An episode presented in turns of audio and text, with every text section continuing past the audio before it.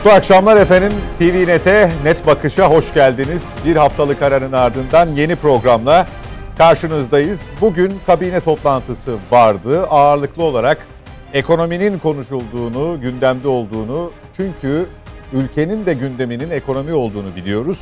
Nitekim Cumhurbaşkanı Recep Tayyip Erdoğan'ın toplantının ardından yaptığı açıklamalara da yansıdığı ağırlıklı olarak hem alınacak alınan tedbirler hem de e, özellikle dövizdeki hareketliliğin, oynaklığın ne zaman son bulacağı sorusu herkesin merak ettiği soruların başında geliyor. Bununla beraber tabii fahiş fiyatlar, zamlar, stokçuluk yine kabine toplantısının ardından e, kameralara yansıyanlar arasında yer aldı. Cumhurbaşkanı Erdoğan'ın açıklamalarında öne çıkan kısım özellikle mevduat hesaplarıyla ilgiliydi. TL mevduat hesaplarıyla ilgiliydi. Tasarruflarını değerlendirirken kurdaki yükselişten kaynaklanan kaygıları gidermek için vatandaşlara yeni bir finansal alternatif sunuyoruz dedi Cumhurbaşkanı. Bundan sonra hiçbir vatandaş kur daha yüksek olacak diye mevduatını Türk lirasından dövize geçirmeyecek dedi. Döviz kurundaki dalgalanma sebebiyle fiyat vermekte zorlanan ihracatçı firmalara da doğrudan Merkez Bankası aracılığıyla ileri vadeli kur rakamının verileceğini belirtti. Biz de bu başlığı konuşarak aslında ekonomideki durumu da değerlendirerek başlayacağız. Net bakışa hemen konuklarımı tanıtayım sizlere. Mete Yarar güvenlik politikaları uzmanı bugün uzaktan bağlantıyla bize katılıyor. Mete Yarar duyabiliyor musunuz beni? Ben duyuyorum. Sesi de bana Evet. Rejinin sesi bende. Hemen e, rejideki ses de zannediyorum e, Mete'ye gidiyormuş. Onu düzeltelim arkadaşlar. Gazeteci yazar Nedim Şener stüdyoda bizimle birlikte. Hoş geldiniz Merhaba, hoş Nedim Bey. Teşekkür ederim. Profesör Doktor Aytu Atıcı, CHP 26. dönem milletvekili. Hoş geldiniz hocam. Hoş bulduk Serhat Bey. İlerleyen dakikalarda da devlet eski bakanlarından Doktor Masum Türker bizimle birlikte olacak net bakışta diyelim ve Nedim Şener'le başlayalım. Şimdi e, birçok e, madde sayıldı. E, bireysel emeklilikten kitlerin bütçeye aktarılan gelir paylarına kadar Cumhurbaşkanı Erdoğan'ın açıklamalarında ama en büyük bizim de tam bu açıklama yapılırken yayına hazırlanırken konuştuğumuz konuydu. TL'deki e, değer kaybının mevduat hesaplarındaki erimeyi çoğaltması dolayısıyla vatandaşın hani döviz üzerinden hareket etme isteği e, galiba bu daha önce de denenmiş bir şey. Bir nebze olsa da rahatlatıcı gelecek bir vatandaşa. Ne dersin? Tabii e, yani güven ortamıyla çok ilgili. Yani iş dünyasının da bütün e, siyasetçilerin de ekonomistlerin de en çok üzerinde durduğu şey ekonomideki beklentilerdir. Geleceğe dönük beklentilerdir. Dolayısıyla vatandaşı da bugün dolara veya dövize e, yönelten şey e, acaba ileride kur ne olacak? Çünkü bugün e, TL'ye ya da geçen ay TL'ye yatırmış faiz beklentisi olan artan kurla ciddi şekilde zarar etmiş. Dolayısıyla faizini e, vadesi gelmeden e, parasını bozdurup dövize yöneliyor. Yani birkaç kez kaybetmiş oluyor vatandaş bu konuda. E, ama bunun için tabii e, önemli olan şu para piyasalarında yani bu faiz, enflasyon, e, döviz kuru arasındaki dengenin kurulması gerekiyor. E, faizi indirmeye çalışmak sadece do, döviz gibi bir değişkenin olmadığı bir yerde anlaşılabilir. Ama o zaman ekonominin bütün çarklarını anlatmış olmayız. Yani biz sadece faiz ve yatırım e, üzerinden konuşmuyoruz. Döviz diye bir parametremiz de var. Dolayısıyla e, siz faizi e, sıcak tamam sıcak parayla mücadele edeceksiniz. Sıcak paraya e, yüksek faiz vermeyeceksiniz. Ama e, Merkez Bankası faizini indiriyorsunuz. Ama borçlanırken bu sefer daha yüksekten e, borçlanmış oluyorsunuz. Yine amacınız hasıl olmuyor. Daha kötüsü şu güven sürekli sarsılıyor. Yani acaba bu faiz biraz daha in mesela gelmiş 10, 15 14 derken daha da mı inecek? İnerse biraz daha acaba kurlar yükselecek mi diye endişe. bir endişe var. Ve hükümet muhtemelen hani para piyasalarında Maliye Bakanı'nın açıkladığı gibi dış aktörler etkili değil. içeride sığ bir piyasa var. Hareket hareketlilik oradan doğuyor falan diyor ama elbette ki şirketler ve vatandaşlar e, e, mevduatlarını korumak amacıyla dövize yöneliyorlar. Şimdi burada bir yeni bir enstrüman benim anladığım dövize endeksli bir mevduat hesabı gibi bir şey galiba. Tam çünkü dedi ki Cumhurbaşkanı ilgili kurumlar bunun detaylarını açıklayacaklar. Tabii o yüzden çok hani üzerine çok anlamlı bir yorum yapmak da mümkün değil. Anladığım siz bir TL, TL yatırdığınız zaman bunu dövize endeksi yapacaksınız. Ee, ama bir faiz üzerinden anlaşıyorsunuz. Kur artarsa o kur farkını Vade e, sonunda alıyorsunuz. alıyorsunuz gibi bir durum var ama şimdi ana parada ana paraya da kur farkı faize de faizi nasıl işleyecek? Yani ben o faizi neyin üzerinden alacağım? Yani şimdi ben bir faiz üzerine anlaştım. Yüzde mesela diyelim ki yüzde yıllık yüzde 15-20 üzerinden bir faizle anlaştım. Şimdi benim paramı ana paramı e, döviz kuru artışı onu da eritiyor. Alacağım faizi de eritiyor. Dolayısıyla onun tam ne olduğunu belki bir farklı şeyi vardır. E, Metodu. Metotları, yöntemleri vardır. Onları bilmediğimiz için bilemiyoruz. Ama problem şu. Bu şu anda Merkez Bankası'nın iz- iz- izlediği para politikası işte büyümeyi hedefliyor. Ee, sıcak para politikasının yanında siz e, döviz gelirlerini arttırmayı amaçlıyorsunuz ama bir yandan kur kur artışlarıyla enflasyonu e, arttıracağını öngörebiliyoruz. Görülüyor zaten. İkincisi ithalatı pahalandırıyorsunuz. Maliyetler maliyet artışları ortaya çıkıyor. Dolayısıyla bunun bir çerçeve oturması gerekiyor. Ben bu yani mevduat gibi bir konuda düzenlemeyi vatandaşın e, bankaya gittiği zaman bir seçeneği önünde olsun. Ama bu dediğim gibi tamamen e, güven ortamıyla ilgili. Aynı zamanda bunu sadece hazine mi üstlenecek? Sadece kamu bankaları mı uygulayacak? Veya bütün bankalara e, da uygulanabilecek bir mevduat yöntemi midir? Onların hepsinin açığa çıkması gerekiyor. Evet onları aslında e, Sayın Cumhurbaşkanı da söylediği gibi yarın galiba biraz daha E, Kurumlar e, onlara rahat konuşacağız. Kurumlardan gelen açıklamalar da bu anlamda bağlayıcı olacaktır. Sayın Atıcı e, siz nasıl değerlendiriyorsunuz? E, döviz kurundan etkilenmeme yönünde atılan bu adımı e, TL tasarruf mevduat hesaplarında yapılan bu değişikliği. Ee, Şimdi hükümet bir yeni ekonomik modelle karşımıza çıkmıştı birkaç gün önce, bir iki hafta önce değil mi? Bir yeni ekonomik modelle sizi refaha erdireceğiz demişlerdi. Bu yeni ekonomik model için bize biraz izin verin demişlerdi. Bu yeni ekonomik model bizi önce biraz sarsacak ama sonra 2022'nin ortalarına doğru rahatlayacağız demişlerdi. Şimdi birdenbire yeni ekonomik modelden vazgeçtiklerini görüyoruz. Nasıl? Bir panik halinde doları ya da dövizi nasıl düşürürüm derdine düşmüş durumdalar. Kendi tabirleriyle yeni ekonomik model neydi bir hatırlayalım. Yeni ekonomik modele göre bunlar faizi düşüreceklerdi, düşürdüler. Doğru mu? Faiz düşünce dövizin Model yüksele- açıklandığında faiz düşmeye başlamıştı zaten. Bir iki puan düşmeye başlamıştı değil. Düşürülmeye başlamıştı. geldi. E, Faiz kendi kendine düş- düşmez. düş- hayır hayır düşürülüyordu zaten. Hani e, modele geçtik. Dolayısıyla ilk aydan itibaren faiz düşüşü gerçekleşecek denmedi. Yani e, iki aşamada düşmüştü. Daha sonra bir pa- bas puan, 100 bas puan e, şu an işte e, şu anki seviyeye geldi.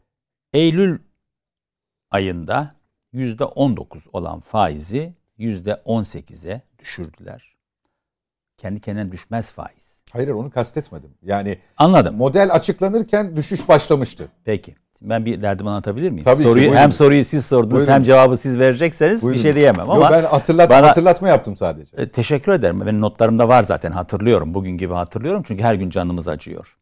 Şimdi e, Eylül ayından itibaren 19 olan faiz, %19 olan faiz kademeli olarak her e, ay neredeyse bir puan düşürülerek %14'e kadar düşürüldü. Hükümet halkımıza bize şöyle dedi. Ey halkım ben faizi düşürüyorum. Ne yaptığımı biliyorum. Ben faizi düşüreceğim. Çünkü faiz düşünce kurun yükseleceğini biliyorum. Yükselsin. Ben bunun yükseleceğini tahmin ediyorum. Yükselsin. Biraz acı çekeceğiz ama bize izin verin. Kur yükselince ne olacak dedi. İhracatımız artacak. Çünkü kur yükselince dışarıdan insanlar bizim malımızı almak için yarışa girecekler. Tıpkı Bulgaristan'dan koşa koşa insan, otobüs dolusu insanlar gelip efendim işte Edirne'de Edirne'den alışveriş yapması gibi. Tabii ya da diğer Trakya illerimizden alışveriş yapması. Bakın ihracatımız artıyor. Peki ihracat artıyor ama e, döviz yüksek olduğu için bir yandan ithalatımız da azalacak. Değil mi? İthalat azaldığı için millet dışarıdan bir şey getiremediği için yerli üretimimiz artacak. Her şeyi planlamışız biz. Tek tek tıkır tıkır yürüyoruz. Peki ithalat azaldı, ihracat arttı. Bu bize neyi getirecek? Bu bize cari fazlayı getirecek. Yani cari açık veriyorduk. Yani ithalatımız fazlaydı, ihracatımız azdı, cari açık veriyorduk. Şimdi ihracat artacak, ithalat düşecek. Biz cari fazla vermeye başlayacağız ama bize biraz izin verin. Birkaç ay önümüzdeki yılın ortasına kadar ve dışarıdan ithalat olmayınca yerli üretim artacağı için enflasyonda düşecek. Hikaye buydu. Yani AK Parti hükümetinin bize anlattığı yeni ekonomik model buydu. Şimdi bu modeli uygularken faizin düşürülmesiyle beraber doların yükselmesini zaten beklerken şimdi dolar yükselince neden doları tekrar düşürmek için uğraşıyorsunuz? Madem ekonomik modeliniz buydu sizin, tuttu ekonomik modeliniz, hesaplarınız tuttu. Hadi yürüyün bakalım. Sizin hükümet olarak halkımıza önerdiğiniz model buydu. Yani siz panik halde efendim dolar yükseliyor ne yapacağız demediniz ki. Biz bilinçli olarak Eylül ayından itibaren, Eylül 2021'den itibaren bilerek, isteyerek politika faizini adım adım adım düşürüyoruz. Ve bunun sonuçlarını az önce anlattığım 7 maddede görüyoruz. Bize izin verin demiştiniz. Şimdi niye doların ateşini söndürmeye çalışıyorsunuz? Madem doların yükselmesi bizi refaha götürecekti, madem ki ihracatı arttıracaktı, madem ki ithalatı azaltacaktı, madem ki yerli üretimi arttıracaktı, madem ki enflasyonu düşürecekti, ne oldu da size birdenbire yeni bir, yepyeni bir modelle geliyorsunuz bugün karşımıza? Bu bir Bu, model mi? Yani ya da bir model değişikliği mi oldu? Onu mu kastediyorsunuz? Ben Yoksa kastetmiyorum. Bir tedbir mi? Ben kastetmiyorum. Sayın Cumhurbaşkanı bir yeni ekonomik modelle geldi karşımıza bir iki ay içeri önce sürekli faizleri düşürdü ve bizi bu duruma getirdi. Şimdi bize diyor ki ya ben böyle söyledim ama evdeki hesap çarşıya uymadı.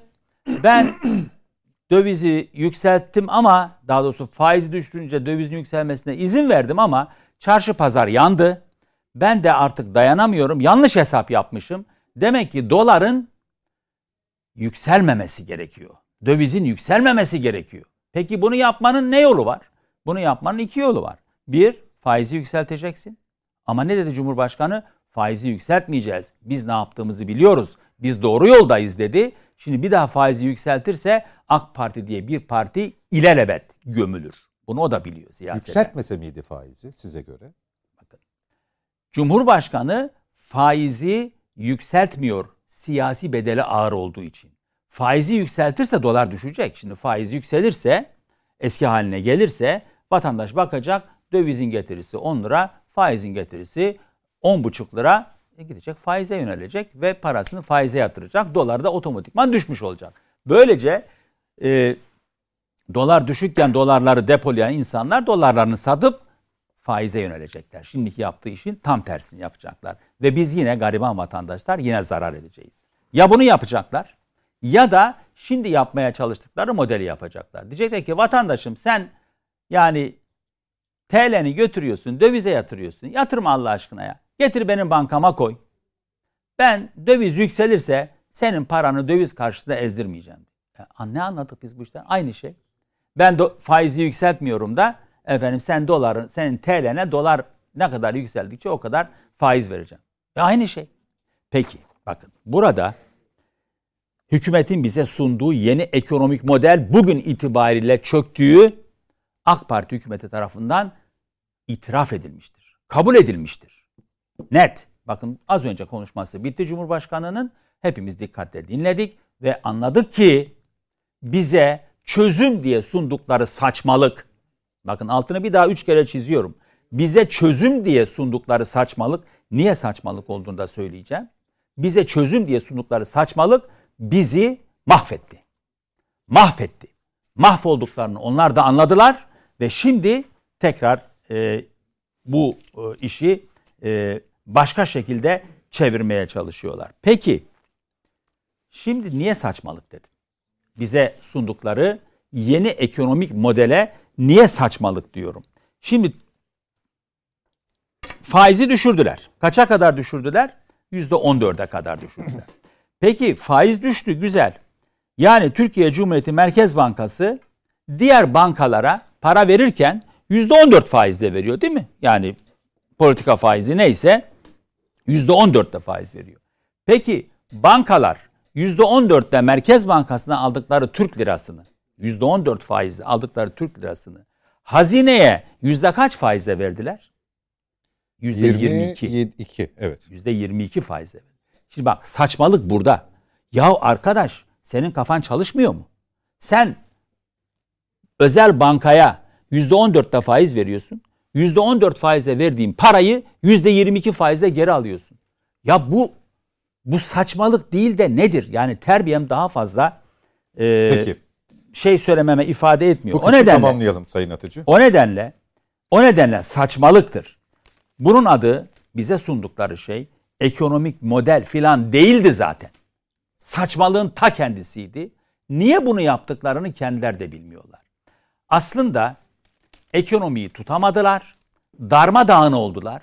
Sonra bir gerçekliği yani doların artık sığamaması gerçekliğini kendi mantıklarına büründürmeye çalıştılar. Peki. O nedenle e, Türkiye Cumhuriyeti e, Merkez Bankası bu politika faiziyle bankalara verip çok daha fazla faizle borç alarak batmaya başladığı gibi bir yandan da hani doların yükselmesine izin verecektiniz diyorum hep bir yandan da piyasaya döviz satmaya başladı. Sürekli döviz satmaya başladı. Tıpkı 128 milyarı sattığı gibi. Kastediyorsunuz. 128 milyar doları sattığı gibi piyasaya bolca döviz verdi ucuza. Bu dövizlerin kimler tarafından alındığını hepimiz merak ediyoruz ve soruyoruz. O zaman 128 milyar doları kimler aldı? Kaça aldı? Şimdi bu krizde Merkez Bankası'nın sattığı dövizleri kim kaça aldı? Şimdi de bana efendim o model tutmadı size yeni değil yepyeni bir model getiriyoruz. Efendim işte dövize dayalı bir mevduat. Burada demin Nedim Bey çok güzel bir şey söyledi. Güven kalmamıştır. Güven kalmayınca Serhat Bey ne yaparsanız yapın, ne yaparsanız yapın bu yangını söndüremezsiniz. Peki. Bu yangını son cümlem şu olsun. Bu yangını söndürmek için siyaset kurumunun güven kazanması gerekir. AK Parti eğer yaptığından emin ise güven tazelemek üzere sandığı milletin önüne koymalıdır. Milletimiz üstün ferasetiyle evet ya ben Tayyip Erdoğan'ın bu modellerine inanıyorum. Bu bizi iyi idare etti diyorsa oy verecek. Bir beş yıl daha alacak Tayyip Erdoğan ve o zaman piyasa diyecek ki gördünüz mü siz ne yaparsanız yapın halk benim arkamda diyecek. Veya halk diyecek ki Sayın Erdoğan teşekkür ederiz. İlk 10 sene bizi öyle böyle götürdün ama ikinci 9 sene bizi duvara tosladın defalarca. Her defasında bizi mahvettin. Dış borcumuz çok ciddi şekilde arttı ve artık sen bile bunu tutamıyorsun. Sen biraz dinlen. Biz yönümüzü bir başka partiye veya bir başka ittifaka çevirdik. Biz onlardan medet umuyoruz deyip oraya güvenini tazeleyecek. Ama şimdiki güven kaybı kim olursa olsun iktidarda güven kaybı bizi mahvediyor. Bakın ekonomi kötü oldu diye bizim oylarımız artabilir. Artmasını istersem namerdim bu sebepten dolayı. Çünkü Cumhuriyet Halk Partisi'nin devralacağı bir ülke bu şekilde olursa biz de başarıda çok zorlanırız. O yüzden ekonomi bu şekilde yere çakılmadan önce halka halkın hakemliğine gidilmeli ve yeter artık daha çok uçurumdan düşmeden duralım ve yönümüzü başka yere çevirelim sorusunu sor sormalıyız. Halk da ne derse onu yapmalıyız. Peki. Masum Hocam hoş geldiniz. Hoş bulduk. Tam kitabın ortasına denk geldiniz. Sizin görüşlerinize ihtiyacımız var. Estağfurullah. Kusura Ee, bakmayın benim iki, estağfurullah. iki hafta daha dersim var. Mecburum Tamam. Ee, şey sonraki hafta ilk ben geleceğim diyorsunuz. Yani. Tabii. Yani. Peki.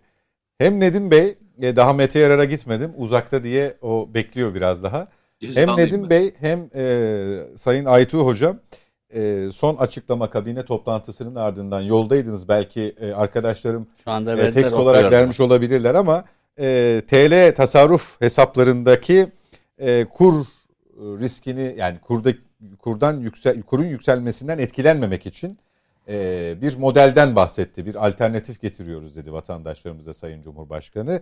Bununla beraber birkaç madde daha saydı. Detayları belki yarın ortaya çıkacak ama Nedim Bey dedi ki asıl olan güvendir. Bu bir tedbirdir ama e, bu güvenin e, tabana yayılmaması yani tamamıyla tesis edilmemesi bu tür tedbirleri tedrici kılabilir, e, geçici kılabilir dedi. Aytu hocamsa e, bir ekonomik model açıklanmıştı. E, faiz indirimiyle beraber dövizdeki yükselişe aldırış edilmeyeceği şeklinde. E, bu açıklama da bu modelin e, aslında e, tutmadığını yeni bir modele geçişin sinyali olduğunu ifade etti. E, ha dedi doların yükselmesine e, seyirci kalıyorsunuz. Ha TL'deki hesabı, mevduat hesabını dolar üzerindeki farkı vatandaşa yansıtıp vadesi geldiğinde çekmesine müsaade ediyorsunuz. İkisinin arasında çok fark yok dedi. Söz sizde. Şimdi öncelikle Sayın Cumhurbaşkanı'nın yaptığı kabine açıklamalarını okudum. Önemli bir kısmı ilk defa doğru yapılan açıklamalardır. İlk defa diyorum. Yani son 4-5 aydır Nedim Bey'in de ben yokken söylediği o güvenin kaybolmasına neden olanların ilk defa tersine bir açıklama yapmış. Ancak Sayın Cumhurbaşkanı'na bu bilgileri, bu olguları kim veriyorsa bunları bir gözden geçirsin. Niye söylüyorum? Şimdi bu açıkladığı şey yeni bir şey değil. Geçmişte bunun tartışmaları yaslandı. 90'lı yıllarda açıp baksınlar. Dövize endeksli mevduat vardı zaten. Yani Evet, evet ben onu söyledim bu Tabii arada. yani hatırlatma e, e, babında. hatırlattınız ben de söylüyorum hiç sizin ne konuştuğunuzu bilmeden bu bilgiyi model gibi Sayın Cumhurbaşkanı verenler niyetli değil. Ben önce bir analiz yaparak tartışmaya girmek istiyorum. Bu bir model mi bu arada? Bunu da Hayır bir model değil bu. Bu yani bu uygulanmış. mevcut modele eklenemez mi? Ha- Hayır me- me- mevcut. Aytu hocam yeni bir model bu olmadı gibi Hayır söyledi bu, ama. bu, bu yeni bir model değil. Bu bir e, destek, Alternatif. destek gibi. Yani hani asgari ücreti desteklemek için iş adamlarına yüklenmesin diye vergi ve sigorta şeyde muafiyet getirdi ya. Bunun gibi bir şey. Yani buna bir model dememiz mümkün değil. Şey hayır Cumhurbaşkanı model gibi sunar. Diğerleri söyler ama bu uygulamaları bilenler eğer bu model olursa bu, o tarihte de meydana çıkan aynı olaylar çıkacaktır. Aynı olaylar. O zaman da kargaşa çıktı. Yok olur mu olmaz mı vesaire. Şimdi bir kere birileri her kimse Erbakan dönemi miydi o dönem? Ee, Erbakan döneminde hazine müsteşarlığı hatırladığım mesela e, Türk doları yani dolar yani Türk doları diye bir şey basmak bile düşünmüştü. Yani öyle bir şey tasarlamışlardı. Dönem olarak dedim. Ee, Marmara 96, Üniversitesi'nden- 90'lı yılların başı. Marmara Üniversitesi'nden bir hocamız vardı. Profesör. E, danışmanıydı, ekonomi danışmanı. Bu altın borsası falan o dönemlerde çok Evet. hayata geçildi. Çiller dönemi falan. Evet. Sonra 90'lı yıllarda da işte o döviz, e, yani şey Ecevit dönemlerinde de Sayın Bakan o tecrübelerini anlatacaktır. Ben aslında onu, onu çok dinlemek isterim o anlamda. Anlatırım onu. Tabii. O, ama onu şimdi girmeyeyim. Esas bu Tabii. herkesin merak ettiği şu Tabii. anda Ne e? Cumhurbaşkanından da taraf olanların, yandaş olanların e, ciddi bir şekilde rahatsızlıklarını belli televizyonlarda belirtmeye başladıkları bir dönemden geçiyoruz. Neden? Önce Sayın Atıcı'ya teşekkür ediyorum ve tebrik ediyorum. Biraz evvel söyledikleriyle bir devlet adamı modeli çizmiştir. Yani Allah bize bu krizden dolayı iktidar getirmesin istemiyoruz dedi. Yani bir, bir dua ile yaptı bunu. Bu çok önemlidir. Neden önemlidir? Şimdi birileri Türkiye'de şu anda hükümetin değişmesi için elinden gelen her şeyi yapıyor. Bunlar birileri çıkıp diyor ki dışarıdan kimmiş o düşman göster. Hiçbir zaman bilemezsin. Zaten esas oyuncular hiçbir zaman sahneye çıkmazlar. Perde arkasından yönetirler. Bunlar yönetirken yabancılar ve Türkiye'de de işbirlikçileri var. Bu işlerden para kazananlar var. Şunun bilincindeler. Eğer bir seçime gidilirse şu andaki konuma göre söylüyorum. Cumhur İttifakı'nın kaybedeceğini biliyorlar. Kaybetmesini de temenni ediyorlar şu anda. Bunlar Bu iş olurken yeni bir hükümet geldiği anda yani bu yeni gelen hükümet yine Cumhur İttifakı olsa bile bir süre bu spekülasyonu yapamayacaklar. Onun için geleceğin kazancını bugünden elde etmek istiyorlar. Yani işin realitesi bu. İster Millet İttifakı gelsin, ister tekrar Cumhur İttifakı gelsin. Yeni hükümetle birlikteki değişiklikler tamamlanana, kendine yakın olan, bu işleri tahkim edip onlara taraf olanlar yerlerini koruyana kadar teprenmezler. Bu Peki. bunu bunu O zaman dam, dış- damdan düşen bir kişi olarak yaşadığım için biliyorum. Dışarıyı işaret ediyorsunuz. Yalnız dışarı değil, içeriği, Cumhurbaşkanı'nın çevresini de işaret ediyorum. Anladım. Ama Hiç. dışarının da payı var. Dışarıdakiler zaten içeridekilerle ortak. Yani dışarıdan birisi olunca içerideki o parasını birisi Hayır, hayır, yer. Sayın Bakan dedi ya, yeni bakan, sayın, e, yeni Hazine ve Maliye Bakanı Sayın Nebati. Dışarıyla ilgisi yok bu işin dedi. Yok var. Hem dışarı var hem Bakın içeri o yani Para bak, dışarıdan bir- geliyor. Bir, bir, şöyle Türkiye'de çok kötü bir alışkanlık var. Mesela Aytuğ Bey bugün için bir şey söyledi. Mesela bundan birkaç ay önce bir başka programda da bir başka bir şey söyledi. Bugün onunla karşılaştığınız zaman ya o gün öyle demiştiniz bugün. Çünkü bugün o günden bu tarafa atıyorum 3 ay geçti. Ve Aytuğ Bey yeni bir değerlendirme Koşullar yapıyor. değişti. Tabii ve o bir cümle içinde söylüyor. Şimdi bakanın o röportajını okuduğunuz zaman o güne münhasır kur artışında hani bir hareketlenme oldu ya o gün. O anı beyan etti. Bu Türkiye ile ilgili, Türkiye ile ilgili genel bir değerlendirme yaptığınız zaman canım ilelebet yabancılar yoktur. İşte Türkiye'de bakanın söylediği gibi için işbirliği işbirliği yapanlar yoktur. Spekü- spekülatörler hiç yoktur. E ben de Deneme. kuru kastettim zaten. Yani Tabii. böyle hani Tabii, bir tabii. bakanın ağzından o çıktı diye kaldı ki yanılabilir bakan da olsa, cumhurbaşkanı da olsa yanılabilir yani. Hani bir değerlendirme yaparken e, ama bunda yabancılar yok. Ya o zaman Ya biz, biz kendi kendimize kavga kere. ediyoruz yani. Bir kere Peki. içeridekileri de dışarıdakiler yönlendiriyor. Yani işin realitesi bu. Kim olursa olsun. Mesela şu anda Cumhurbaşkanı'nın çevresi bu son TÜSİAD'ın açıklamasına kadar mı bekleyecekler TÜSİAD'ı? TÜSİAD'ın daha Kasım ayında açıklaması var. Yeniden ekonominin inşası ile ilgili bir raporun yayınlandığı zaman uyarıları var. Ama bu uyarılarını TÜSİAD eskiden hani Ecevit zamanı gibi gazetelere ilan verip ya da başka şeyler şeklinde değil yumuşak ifadelerle geçiştirmeye çalışıyorlar. Bunun da iki nedeni var. Bir, bu hükümetin yani Tayyip Bey'in ne yapacağını kestiremiyorlar. Saldırabilir yani böyle sinmez. Demokratik laflardan çok esas ülke der onlarla kavga eder. İkincisi de bu işten aralarında kazananlar da var. Yani bazıları para onlarda bizde değil ki. Şimdi buradaki benim bu yorumu yapmamın nedeni şu. Cumhurbaşkanına yanlış yaptırmaları kaybettiriyor bize. Yani mesela bir cumhurbaşkanına asgari ücreti açıklatmak doğru değildir. Asgari ücret açıklanınca nasıl konuşuyorlar biliyor musun? Ya Cumhurbaşkanı açıklıyor. Bu yan tarafındaki kadro dört dörtlük olsa o bürüt ücreti hazır. Onun netinin 4253 lira 40 kuruş olacağını hesaplamaz mı önüne götürürken? Böyle sonraya mı bırakır? Artı bu ülkede kayıt dışı ekonomiden şikayet ediyor hükümet.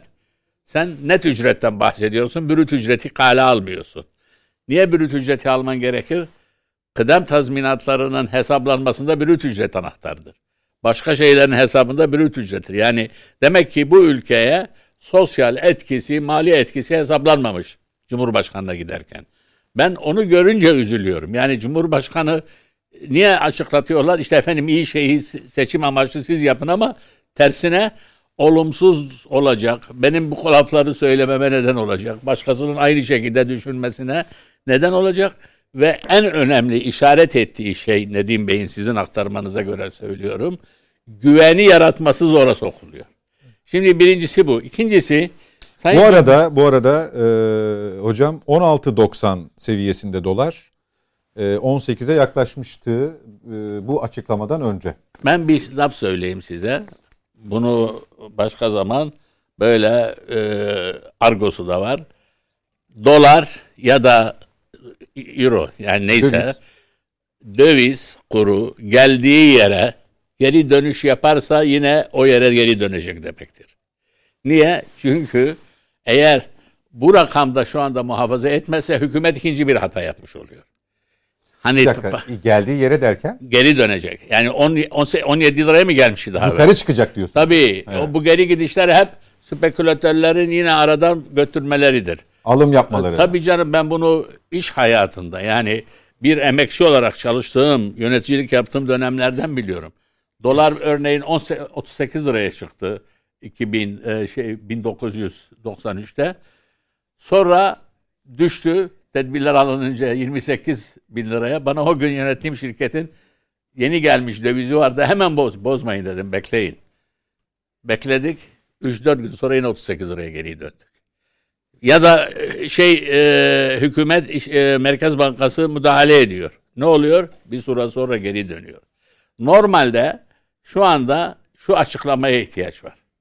Merkez Bankası ta 1993 yılından beri reel endeksi tutardı. Yani reelde dolar ne kadar olmalıdır? Bilirdi.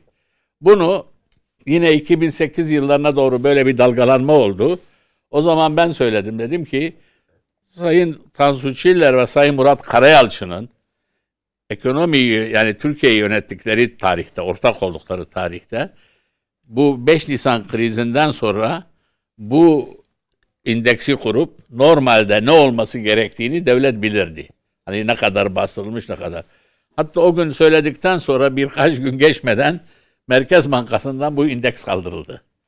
Şimdi bir kere Merkez Bankası şeffaf bir şekilde ve inandırıcı bir şekilde belirsizlik kuralları yani belirsizlik şeylerini de e, göz önüne alıp kriterlerini şu anda doların fiili rakamını söylemesi gerekir. Ben fiili rakamı amprik olarak söylüyorum. Yani bu hesabı bilmeden normalde 8,5 lira olması gerekiyor. Normali bu.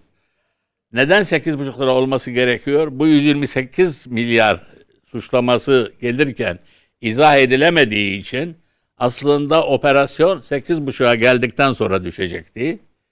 Ondan sonra tekrar fırlayacaktı. Bu Türkiye'de böyle oldu. Hiç kimse ben Türkiye'yi yönettim, eski ekonomide başarılıydım filan demesin. Onların zamanında dolar çıkardı bir rakama ve e, şeyin Sayın İlhan Kesici'nin hem 1918'de 19 bütçesiyle ilgili hem de bu bütçede bu cuma günü 2010'da. yaptığı konuşmaları mukayese etsinler. İkisinde de mesela 128 milyarı dün 197 milyar olarak izah etti. Kaybı Türkiye'nin ve ödemelere göre. Bu kayıp Cumhurbaşkanı da yalnız aktarılıyor. Şey yoluyla ödenmedi. Kaybolmuyor. Faiz yoluyla. Bu kayıp dolar üzerindeki oynanan oyunlar şeklinde ödendi bugüne kadar yurt dışında. Şöyle söyleyeyim. Bizim en son operasyon yapıldığı zaman dolar 8 liraydı. 8 liraya Türkiye'ye döviz girdi. Döviz girer girmez dolar 6,5 liraya düştü. Diyeceksiniz ki hani yine düştü ne oldu diye düştü. O 1 milyar mesela getirmiş olanlar hemen efektif olmadığı için hissetmedik. O bozdukları doları 6,5 liradan aldılar. Ama fiilen dolar almadıkları için bankadan kağıt üzerinde alıyorlar. Şimdiki mevduatların kağıt üzerinden alındığı Fiziki gibi. olarak almıyorlar. Evet. Peki. E- efektif yok elde dolar. Peki. Şimdi sonra Toplayalım hocam. tabii sonra ne oluyor? Yavaş yavaş dolar 8 liraya geliyor. 8 liraya geldikten sonra yeni bir para geliyor. Başka bir yatırımcıdan. Ama onun da karlı olması için doların 8,5 liraya çıkması lazım ya da 8 lirayın 5 kuruşa. O sizin başta söylediğiniz şey orada da oldu. Tabii. Şimdi oraya çıkınca bu sefer o doları bozduruyorlar ama o doları getirirken eski getiren 8 liraydan bozduranlar çıkarttığı zaman hissetmiyoruz. Çünkü efektif para geliyor, efektif olarak çıkıyor. Şimdi bunlar olurken hissedilmiyor. Bu sefer yeninin parası çalışmaya başlıyor ve onun için dolar tekrar düşecekti. Mesela bu sefer 6,5 lira değil de 7 liraya düşecekti. Bu sefer o 8,5 liradan bozduran için toplanacaktı dolar. Yine efektif değil. Yani efektiften kasıt elde dolar yok. Kağıt üzerinde alınıp satım yapılacaktı. Bu sefer yeni bir kişi gelecekti ve Türkiye'de bugüne kadar o hesabı verilmeyen, edilmeyen denen 128 milyarın dışında böyle bir para var ama o 128 milyarla ilgili değil. O zaten normal olması gereken. Başka zaman anlatırım. Millet çünkü yanlış anlıyor. Bu işi bu şekilde götürüyorlardı. 8,5 liraya geldi. Bu 128 milyar hikayesi gündeme geldiği zaman sizinle de katıldığımız programlarda ben bunu izah ettim. İzah edince spekülatörler başkası da izah etmeye başladı başka televizyonlarda. Bu oyunu oynayamadılar. Yani fonlar üzerinde. Oynayamadıkları için dolar bu sefer sürekli yükselmeye başladı.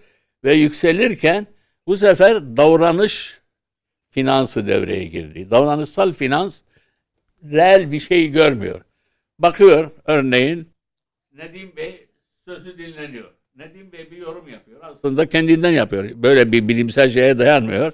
Ha, Cumhurbaşkanı'nın çevresi Nedim Bey'in bu söylediğinden çekinir uygularsa bu böyle olur diye o belirsizliği o şey Nedim ama- bile şaşırdı ama buna yani. öyledir yani ben Peki. davranışsal finansın hocam. Tabii, tabii. çözümü için örnek veriyorum. Ya Tamam. beklenti Şimdi, yani şimdi Evet. Cumhurbaşkanı Önce beklenti alınır Tabii, ya hani. Tabii.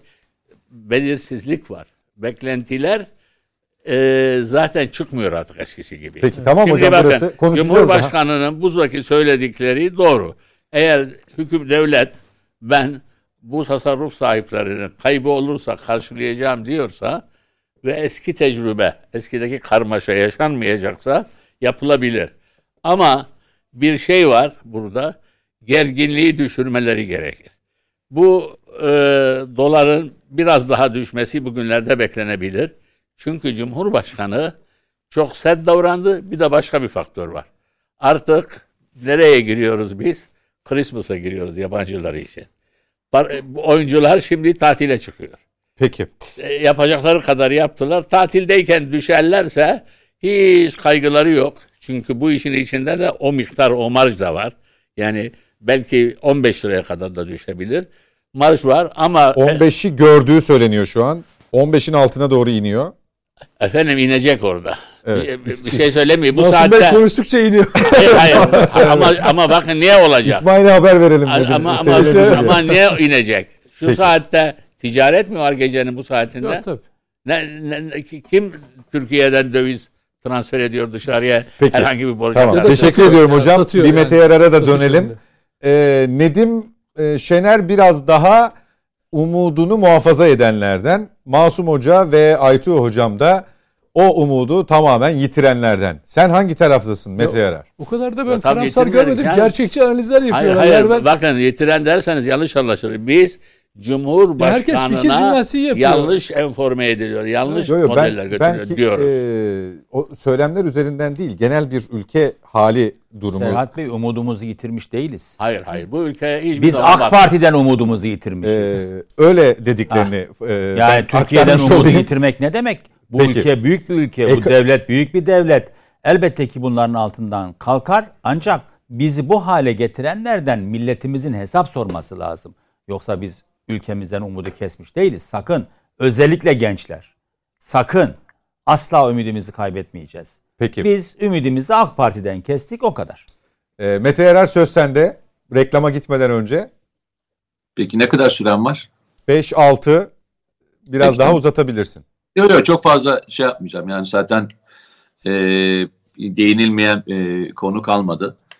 E, buradaki en önemli konu neydi? Başından beri söylüyoruz. Belki e, muhalif olan, muhalif olmayan, bu işe e, muhalif olanlar dahil olmak üzere herkesin e, söylediği bir e, rakam vardı. Yani evet e, Türkiye'nin e, yönetimsel anlamda sıkıntıları var. Muhalifler için söylüyorum. Evet Türkiye'nin e, geçmişten özellikle faiz konusunda yapmış olduğu hatalar var diyorlardı. Ama onlar bile şunu söylemiyorlardı. Yani doların bugünkü geldiği noktanın gerçekçi bir nokta olmadığında her biri fikirdi. Yani Türkiye'de herkesin fikir e, fikir beyan ettiği ve ortak oluşabilen tek nokta doların şu andaki bulunduğu yerin gerçekçi bir rakam olmadığı konusundaydı. Kimisi buna e, işte e, Masum Bey gibi e, 8,5 diyenler var. Kimisi e, 13 bandından daha yukarı çıkmasın diyenler var ama ben daha bunun yukarısını söyleyen kimseyi görmedim. Açık ve net söyleyelim. Hepimizin de belki konuşması gereken, belki hepimizin tartışması gerekenlerden bir tanesi. Şu, e, bu yaşanan sürecin içerisinde e, sonuçları yalnızca devlet olmadı. Bu arada tasarruf sahibi olan insanların da tasarruflarında gitti. E, bu yapılacak olan faaliyetlerin en önemli açıklamasının beyanı şunun üzerine bence.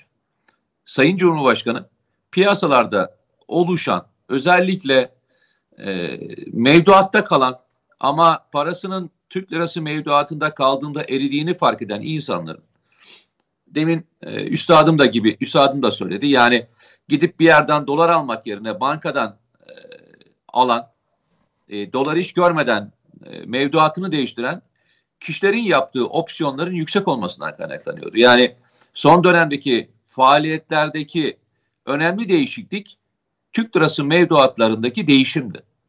Bu değişim de hatırlıyor musunuz? En son sizinle beraber Masum Bey'le başka bir televizyon kanalında şunu söylemiştik. Türk lirası e, Türk lirasına güvenenler neden cezalandırıldı demiştik hatırlarsanız. Yani ben Türk lirasına güveniyorsam ve burada kalıyorsam ama bunun tam tersini yapan bir insan para kazanıyorsa yani bunu Dursun Çiçek de söylemişti en son. Ben Türk lirasına kaldım ailem bana kızıyor demişti. Ee, bunun bunun açıklaması yoktu ve Sayın Cumhurbaşkanı belki e, en doğrularından bir tanesini yaptı. Ben işin ekonomi kısmına girmeyeceğim, şey kısmına. Yani yaptıkları bir tarafta yeni model midir, değil midir? E, neleri kapsıyor, neleri yapıyor? Daha şu anda çünkü hiçbir şey belirgin değil. Ama bu insanların yön belirlemedeki savrulmalarına en azından bir e, çipa atıldı. Yani en azından savrulmanın bir kısmı durduruldu. Zaten böyle değil midir? Yani önce e, kim ne yapıyorsa neden yaptığını tespit edersiniz ve bu tespitin üzerine de e, müdahalede bulunursunuz. Şimdi üstadlar e, fikirlerini beyan ettiler. Yani Aytunç Bey'in de e, söylediği gibi e, yine hep beraber konuştuğumuzda da yani ülkenin ülkenin yönetilebilir e, yönetilmesi çok önemli. Bu yüzden de e, muhalefet daha iyi yaptığı için seçilmeli. Daha kötü bir haldeyken e, bir şeyi almak e, arzusunda olmamalı. Yani Aytunç Bey'in söylediği aslında Efendim, doğru Aytu bir Atıcı, Mete Bey. Bir, bir kelime. Aytu, evet biz de, biz de. Ne? Aytu Bey. Aytu Bey. Pardon evet. özür diliyorum. Aytu Bey. Hep bir, Aytunç... bir, bir öğretemedim ismimi size Mete Bey. Herkes öğrendi bir siz kaldınız. Hep ya şaşırıyorsunuz. Neden, e, neden biliyor musunuz? E, çok e, yakın ya bazen e, insanlar takılırlar ya. Herhalde ben de sizin isme takıldım. Her tamam. defasında diyor. Çok özür diliyorum hocam. Estağfurullah. Çok özür dilerim. Gerçekten çok büyük saygısızlık.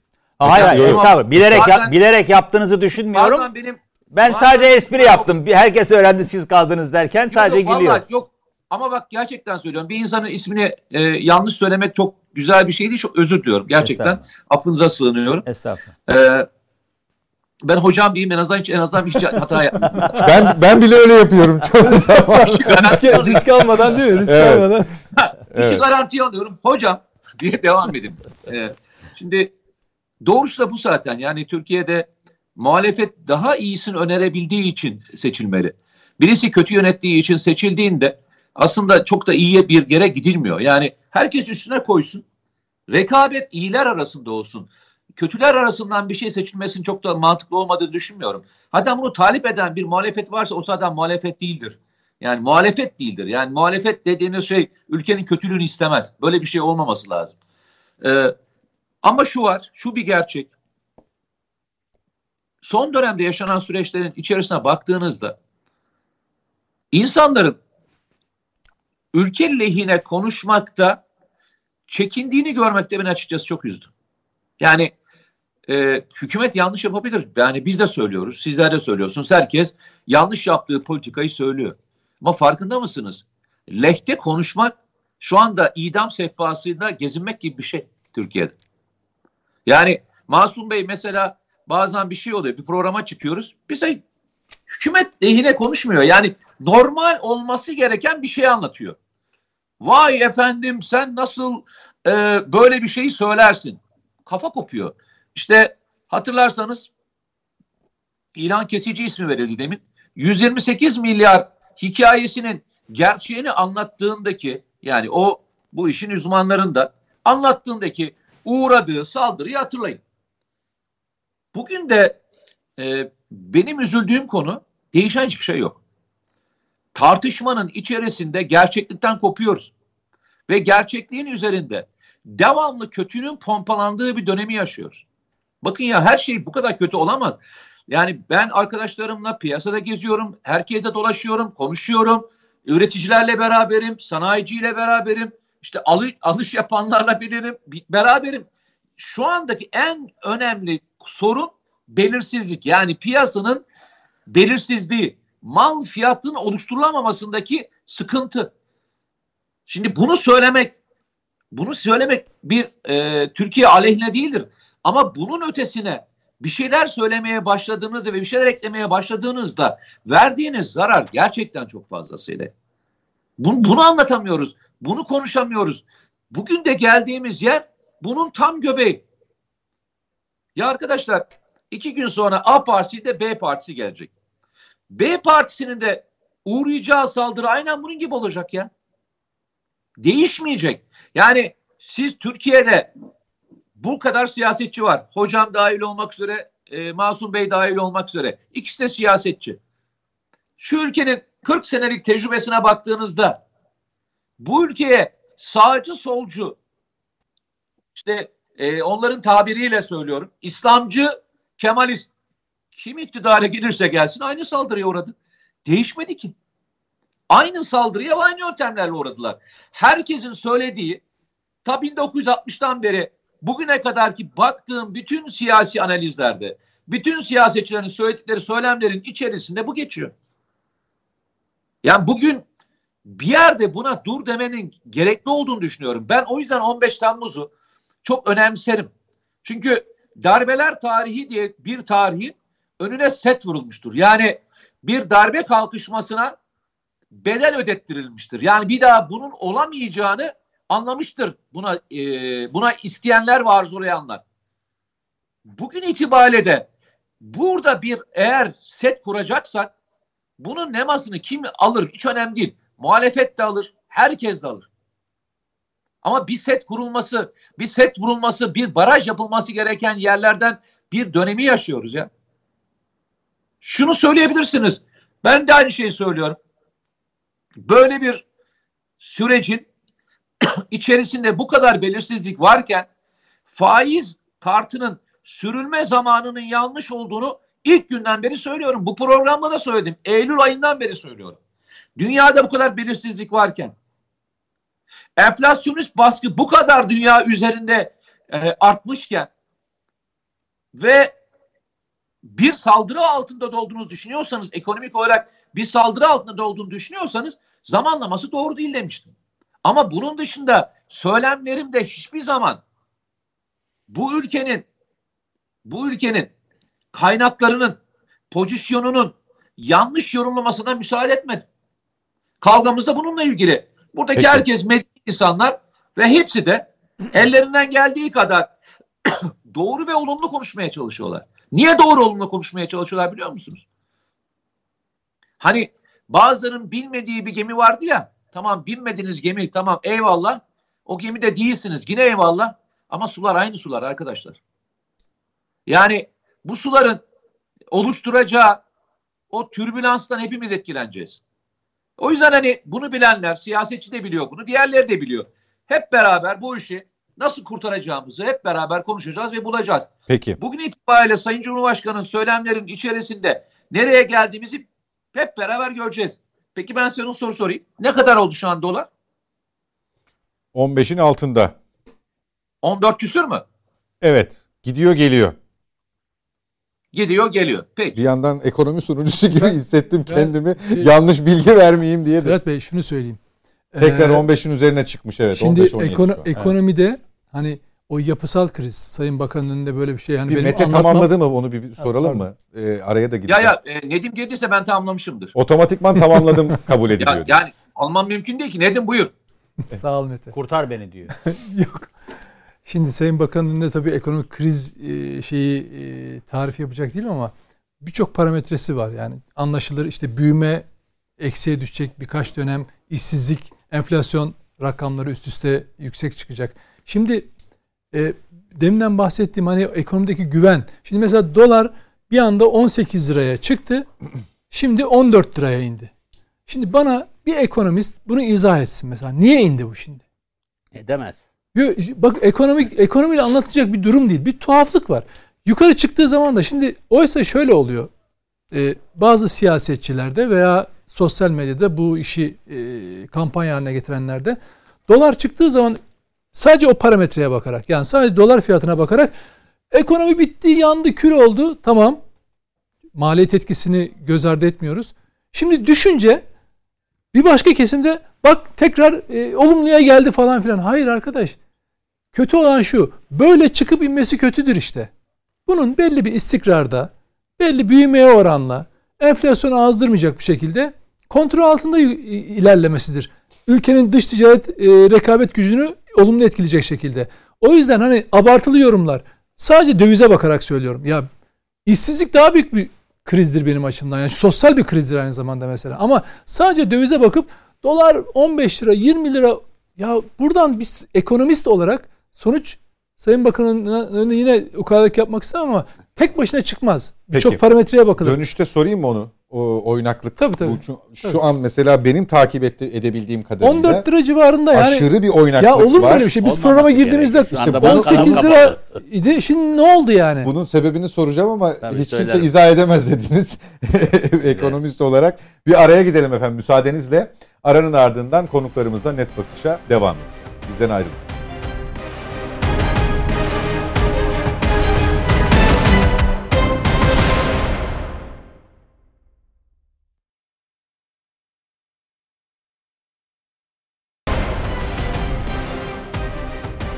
Peki efendim devam ediyoruz net bakışa. Biz reklam arasında da bu dövizdeki hareketliliği konuşmaya konuşmayı sürdürdük. Ee, şimdi Masum hocamla e, devam edeceğiz. Ee, aşırı bir oynaklık var.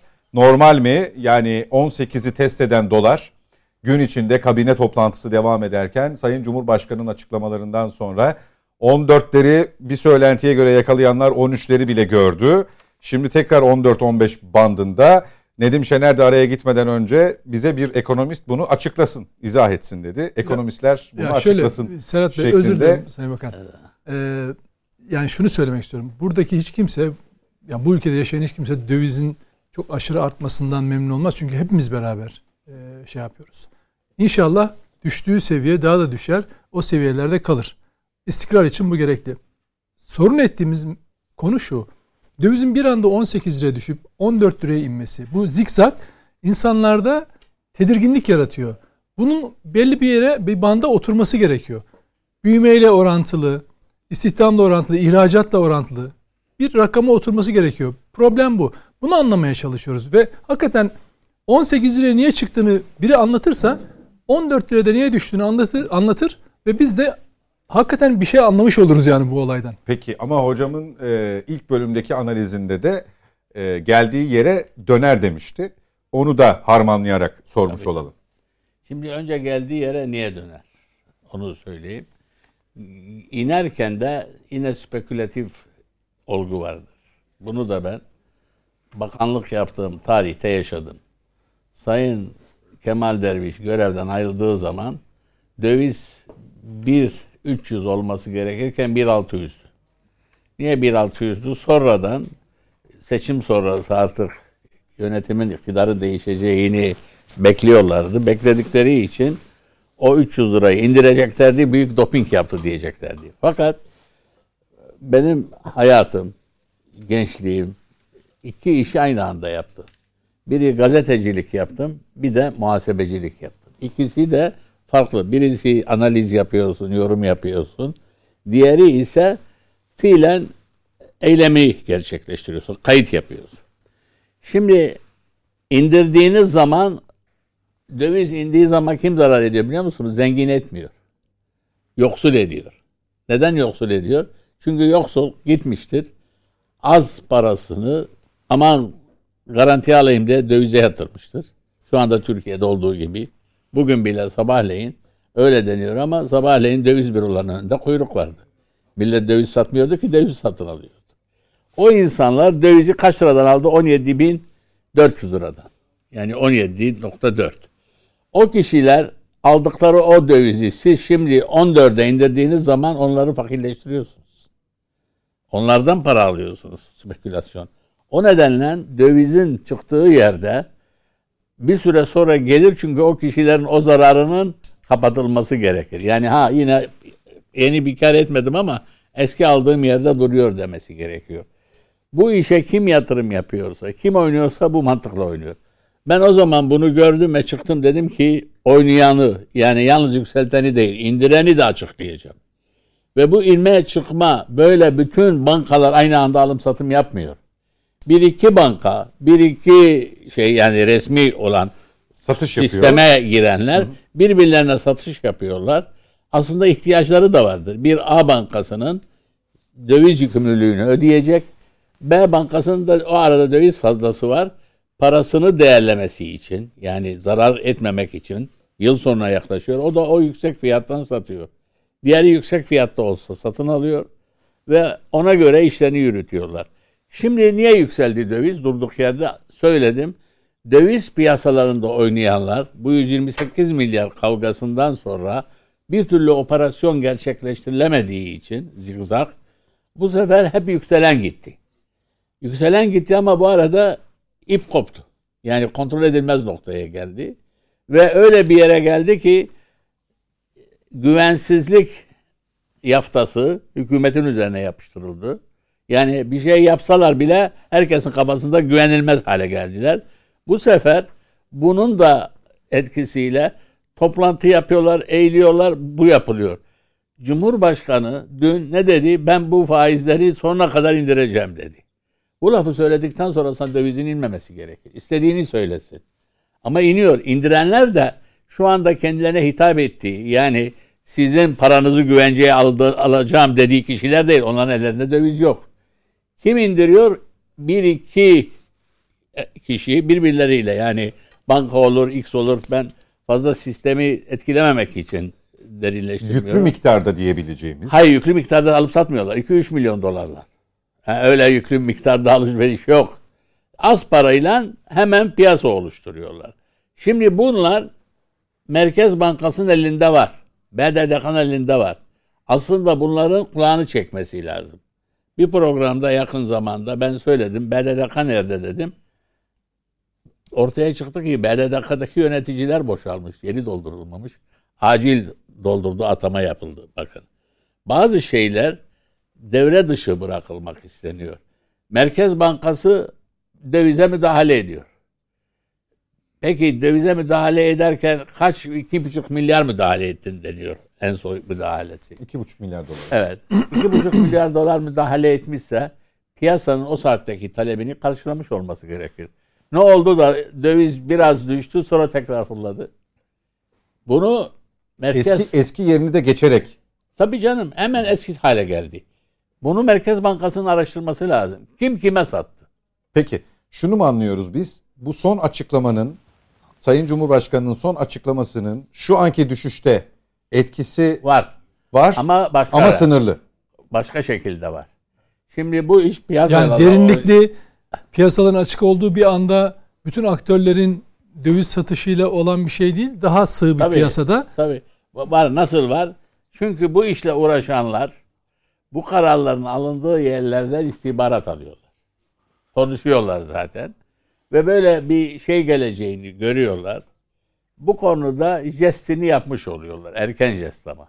Dikkat edin. Ya bunlar bunların hiçbirisi ekonomi bilmiyle ya da TÜSİAD'ın deyimiyle klasik ekonomi teorileriyle az- izah edilmez. Bunlar ahbap çavuş ilişkileri. Tabii canım öyle Yani öyledir. ekonominin o girift Öyle alanları yani. Bakın bir şey söyleyeyim. Şu anda bu işle oynayanlar bütün partilerin, bütün her kesimin bir araya gelmesi lazım. Bunun da ben bir örnek vereceğim. Dünyada herkesin, bütün politikacıların mesela ben bunu bir gün politika yaparsam alıp kendi ajandama işledim. Hatırlayın 2008 yılında bu mortgage Çıkan Krizi. krizi olunca mortgage krizi Amerika'da farklıdır. Bizim Türkiye'de bankalar sigorta şirketlerinin sahibidir. Amerika'da ise ya da batıda Sigorta şirketleri bankaların sahibidir. Mortgage krizi bankalarda başlayınca sigorta şirketlerinin yatırımları tehlikeye girdi. Maaş ödeyemeyecek hale geldiler. Çünkü orada maaşları hani bu özel sigortalar aracılığıyla. Ne yaptı Bush? 20 milyar dolar para bastı. Yani piyasaya para aktardı. Ama bu parayı aktarmadan evvel Obama'yı davet etti. Obama da muhalif karşı adayı. Dedi ki böyle böyle yap, yapmamız lazım. Konuştular ve seçim boyunca Obama 20 milyar doları ağzına almadı. Milliyetçilik, devlet adamlığı budur. Bush da her şeyi açık anlattı. Yani bu durumdayız. Nitekim Obama kazanırken belki ondan etkilendi. Ama Bush'la ayrılırken şeyi iflastan kurtardı. Yani maaş ödememe durumundan kurtardı. Şimdi bizim Türkiye'de her şeyi Cumhurbaşkanı'na açıklatıyorlar. Cumhurbaşkanlığı birinci hedefe koyuyorlar. Sorumlu koyuyorlar. E bu arada muhalefet de zaten onu değiştirmek istiyor. Ne oluyor bu sefer? Bir araya gel oturmaları Cumhurbaşkanı'nın davetiyle mümkün olmuyor. Şu saatte biraz evvel Sayın Atıcı'nın söylediği çok beni memnun etti. Yani şu anda bu CHP adına inanılmaz bir e, örnektir. Böyle bir şey olmasın dedi. Devlet adamlığı bu. Bu Sayın yani, Atıcı'nın görüşü tabii. Onun da altını Hayır ama onun adına konuşuyorum. Bir evet, CHP'li. Evet. Hayır hayır. Yani CHP'nin tamamı CHP'nin böyle de görüşü budur. Hayır, hayır. Midir? Tabii aynen bu. Peki. Yani yani CHP'li olarak söylemesi bile yeterli. Bak. Ben CHP'yi temsil yani, etmiyorum ama yakından izliyorum. Yani, İzliyor. Aldığı ha. duyumlar da vardır. İstişarelerde de bulunduğu için. Yani bunların bir arada oturulup konuşulması gereken şeylerdir. Peki. Şimdi şeyin de şöyle söyleyeyim. Ee, Sayın Yeni Bakan aslında doğru gidiyor. Ama bazen tersten gidiyor. O da yine kimse onun parlamasını istemediği için çevreden bu yanlışları ortaya çıkmasına vesile oluyorlar. Peki. İş adamlarıyla toplanması doğrudur. Bankacılarla toplanması doğrudur. Ama eksiği var.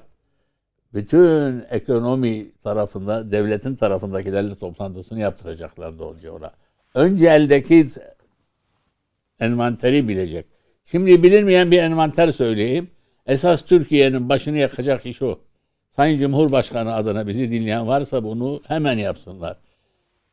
Bankaların yükümlülüğü ne kadar? Yani bankalar zamanında döviz getirmişler. Şu anda de, tahvilde yatıyor o para. Bir kısmı müşterilerine kredi vermişler. Vadesi geldiği zaman o dövizler ödeneceği zaman ne kadardır o döviz? Hangi bankaya ne kadar yük getirecek? Bu Peki. envanterin şu anda Cumhurbaşkanı'nın önüne konulması gerekir. Konulmadığı süre boyunca hep böyle fiktif bir, bir günlük işi kurtaracak gibi sonra birileri çıkıyor bunu model diye anlatıyor. Mesela Cumhurbaşkanı hiç Çin modeli demedi. Çin gibi büyürüz dedi. Bakın Çin gibi büyürüz dedi. Kaç kişi Türk modeli filan Türkiye'nin modeli var. Modeli karma ekonomidir ve bu sayede Türkiye Cumhuriyet'in ekonomisi tesis edildi. Hikayesi var. Önce kapitalist sistemi seçti. Sermayedar olmayınca döndü, tekrar değişti ve ilk konuşmada kapitalizmi uygulayacağız diyor Mustafa Kemal 1922'de. Ama 1925'te 27'de 25'te kurdukları sistemi savunmak amacıyla diyor ki bizim kurduğumuz bu sistem ne Bolşevizmdir ne de yalnız para e, kapitalizmdir. Yani şekilde tanımlıyor. Peki. Bizimki karma modeldir diyor. Bu modeli iki yıl, üç yıl sonra Keynes söyledi. Bizde ekonomistler Keynes'i göklere çıkartıyor. Ama o dönemde yani bu yalnız Atatürk söylemedi ki etrafındaki ekonomistlerin fikirleridir bu. Yani şimdi bir lider tek başına her şeyi söylemiyor ki o dönemin o ekonomistlerini, Mustafa Kemal Atatürk'ün söylediklerini hep et, tenkit ettiler ve özelleştirme ile özellikle enerji haleleri özelleştirmeleriyle Türkiye'nin bugünkü enflasyon fotoğrafını hazırladılar. Peki, teşekkür ediyorum. TÜSİAD başlığını açacağım ama sizin birkaç not aldığınız tespitiniz var. Şöyle galiba, yapalım. Ben isterseniz notlarımı alayım. Oradan TÜSİAD'a bağlayayım. Tamam. TÜSİAD'la devam edelim eğer tamam. uygun görürseniz. Şimdi efendim sorunuz şuydu. Dövizdeki bu dalgalanma neden? Tamam döviz biraz yükselir, durur, Yani ama bu iniş çıkışlar neden? Aşırı oynaklık. Aşırı oynaklık neden? Ve Çünkü- kapalıyken. Çünkü ekonomimiz hastadır. Ekonomisi güçlü olan ülkelerde siz ömrü billah bu şekilde oynak bir döviz göremezsiniz. Duyamazsınız. Ekonomimiz hastadır. Maalesef öyle bir hastalık haline gelmiştir ki birçok insan ekonomiden de maalesef keşke olmasa ülkeden de umudunu kesmiştir. Ne demek istiyorum? İki örnekle açıklayacağım. Bugün emekliler döviz bürolarının önünde kuyruğa girmişler. Paralarını korumaya çalışıyorlar. Yani bir ülke düşünün ki vatandaşlarının çok büyük bir kısmı başka bir ülkenin parasına kavuşmak için uğraşıyor. Bak ülke ne hale geldi. Ülke zaman zaman bu hale geldi. Ama AK Parti döneminde biz bunları yok edeceğiz diye gelen AK Parti döneminde hiç böyle bu kadar kötü bir duruma düşmemiştik. 2012'den bu yana AK Parti'nin e, ekonomi politikaları giderek çöktüğünden dolayı döviz artışlarını bakın ilk 10 yılı demiyorum. AK Parti'nin ilk 10 yılında e, özelleştirmeler, satılanlar vesaire dövizi aynı seviyede tuttu. Yani 1.4 1.7 arası gitti 10 sene bakın. Biz o zaman parayı betona yatırmayın. Bakın ileride kötü olacak dediğimizde bizimle dalga geçen insanlar 2012'den sonra ilk 5 yıl içerisinde bakın 10 yılda sabit kalan döviz 5 yıl içerisinde iki kata çıktı. Ondan sonraki 2 yıl içerisinde bir iki kata daha çıktı. Sonraki bir yıl içerisinde 2020 yılında yine iki kata çıktı. Bu ne demektir? Sizin ekonominiz hastadır kardeşim. Ekonomi hasta, tedavi lazım. Kim yapacak bu tedaviyi? Seçilmiş olan hükümet yapacak. Yani Kırılganlık doktoru kim? aşamasını da geçmiştir diyor. Evet. Kırılganlık aşamasını da Geçmiştir. Hastadır. Ancak bu doktor tedaviyi beceremiyor. Şimdi bir vatandaşlarımızın bizi daha iyi anlayabilmesi için çok güncel bir örnek vereyim. Şimdi Serhat Bey sizin bir kan basıncınız var değil mi? Tansiyonunuz. Ben şimdi sizin tansiyonunuzu hekim olarak ölçsem diyelim ki 12'ye 8 çıktı tansiyonunuz. Ben sizi sinirlendirdim. Çok sinirlendirdim diyelim ki. 12 olan tansiyonunuz 13'e çıkar, 14'e çıkar. Sonra vücudunuz hasta değilse mekanizmalar devreye girer ve sizin tansiyonunuzu aşağı çeker. Der ki bu kadar tansiyonu vücut taşımaz.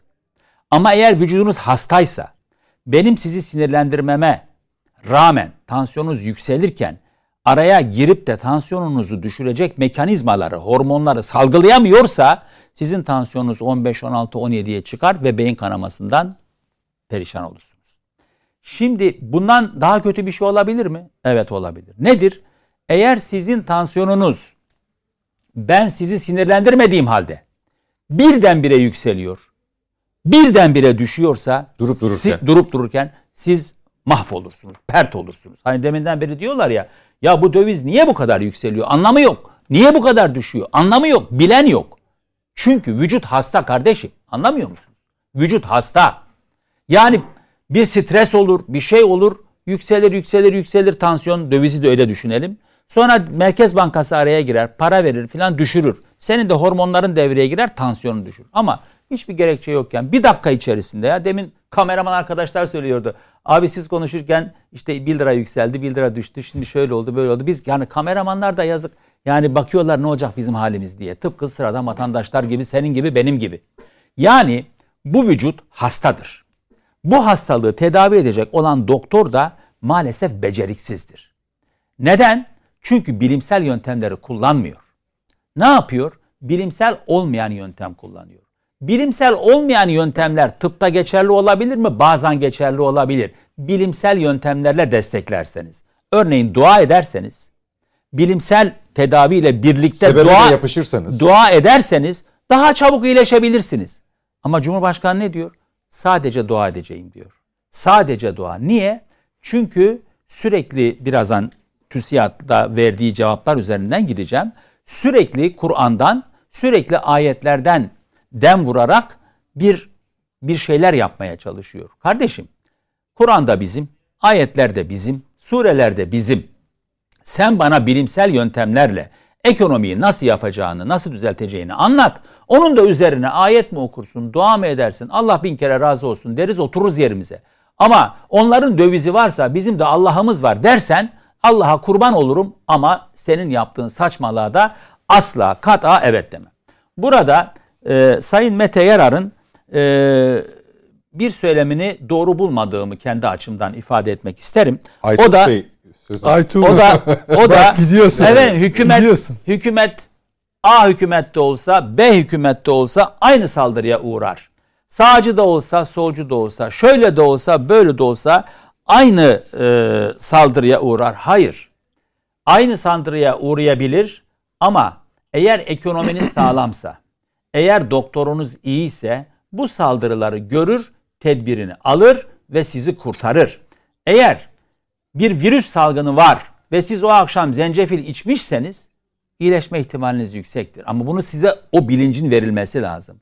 Ama siz virüsün geldiğini göre göre maske takmazsanız, eğer kendinize bakmazsanız hasta olursunuz kardeşim. O, o sizi yatırır.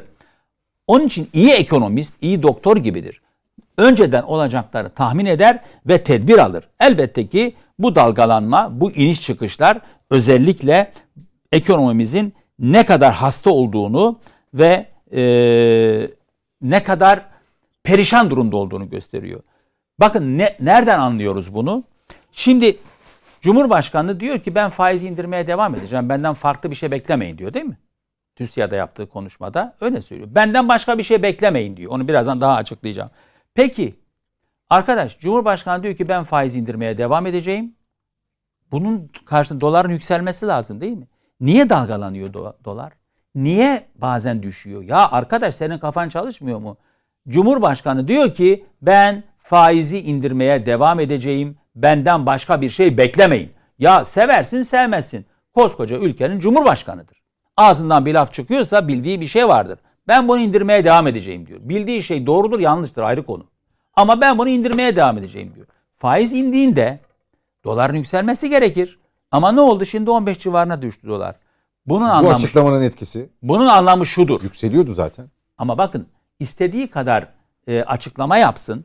Diyor ki ben doları şey, faizi indirmeye devam edeceğim. Bakın açın kayıtlarınızı bakın. Ben faizi indirmeye Yo, yo, o- devam edeceğim. onu söylüyor. Benden başka bir şey beklemeyin diyor. Şimdi bunun anlamı şudur. Faiz inmeye devam edecek. Benim kafam çalışıyorsa eğer dış ülkelerden bahsediyorum ya da kendi içimizden. Madem ki faiz düşmeye devam edecek. dolar Doların yüksele- 20 liraya kadar yolu Dolar var. yükselecektir diye ben ekonomist olmayan bu kafamda düşünürüm. 20 liraya Peki- kadar yolu yok. Peki O uydurma. madem öyle neden dolar düştü biraz? Çünkü maalesef geçmişte yaşadığımız gibi birileri çıktı dedi ki ya Cumhurbaşkanı böyle söylüyor ama siz onun dediğine bakmayın. Yani zamanında e, birinin çıkıp ahlaksızca, edepsizce ahlaksızca, edepsizce bu ülkenin Cumhurbaşkanı, Başbakanı için siz onu deliye süpürmeyin dediği gibi şimdi de birileri çıkıp muhtemelen demiştir ki siz Cumhurbaşkanı dediğine bakmayın. O faizi düşüreceğim der ama bunu yapamaz.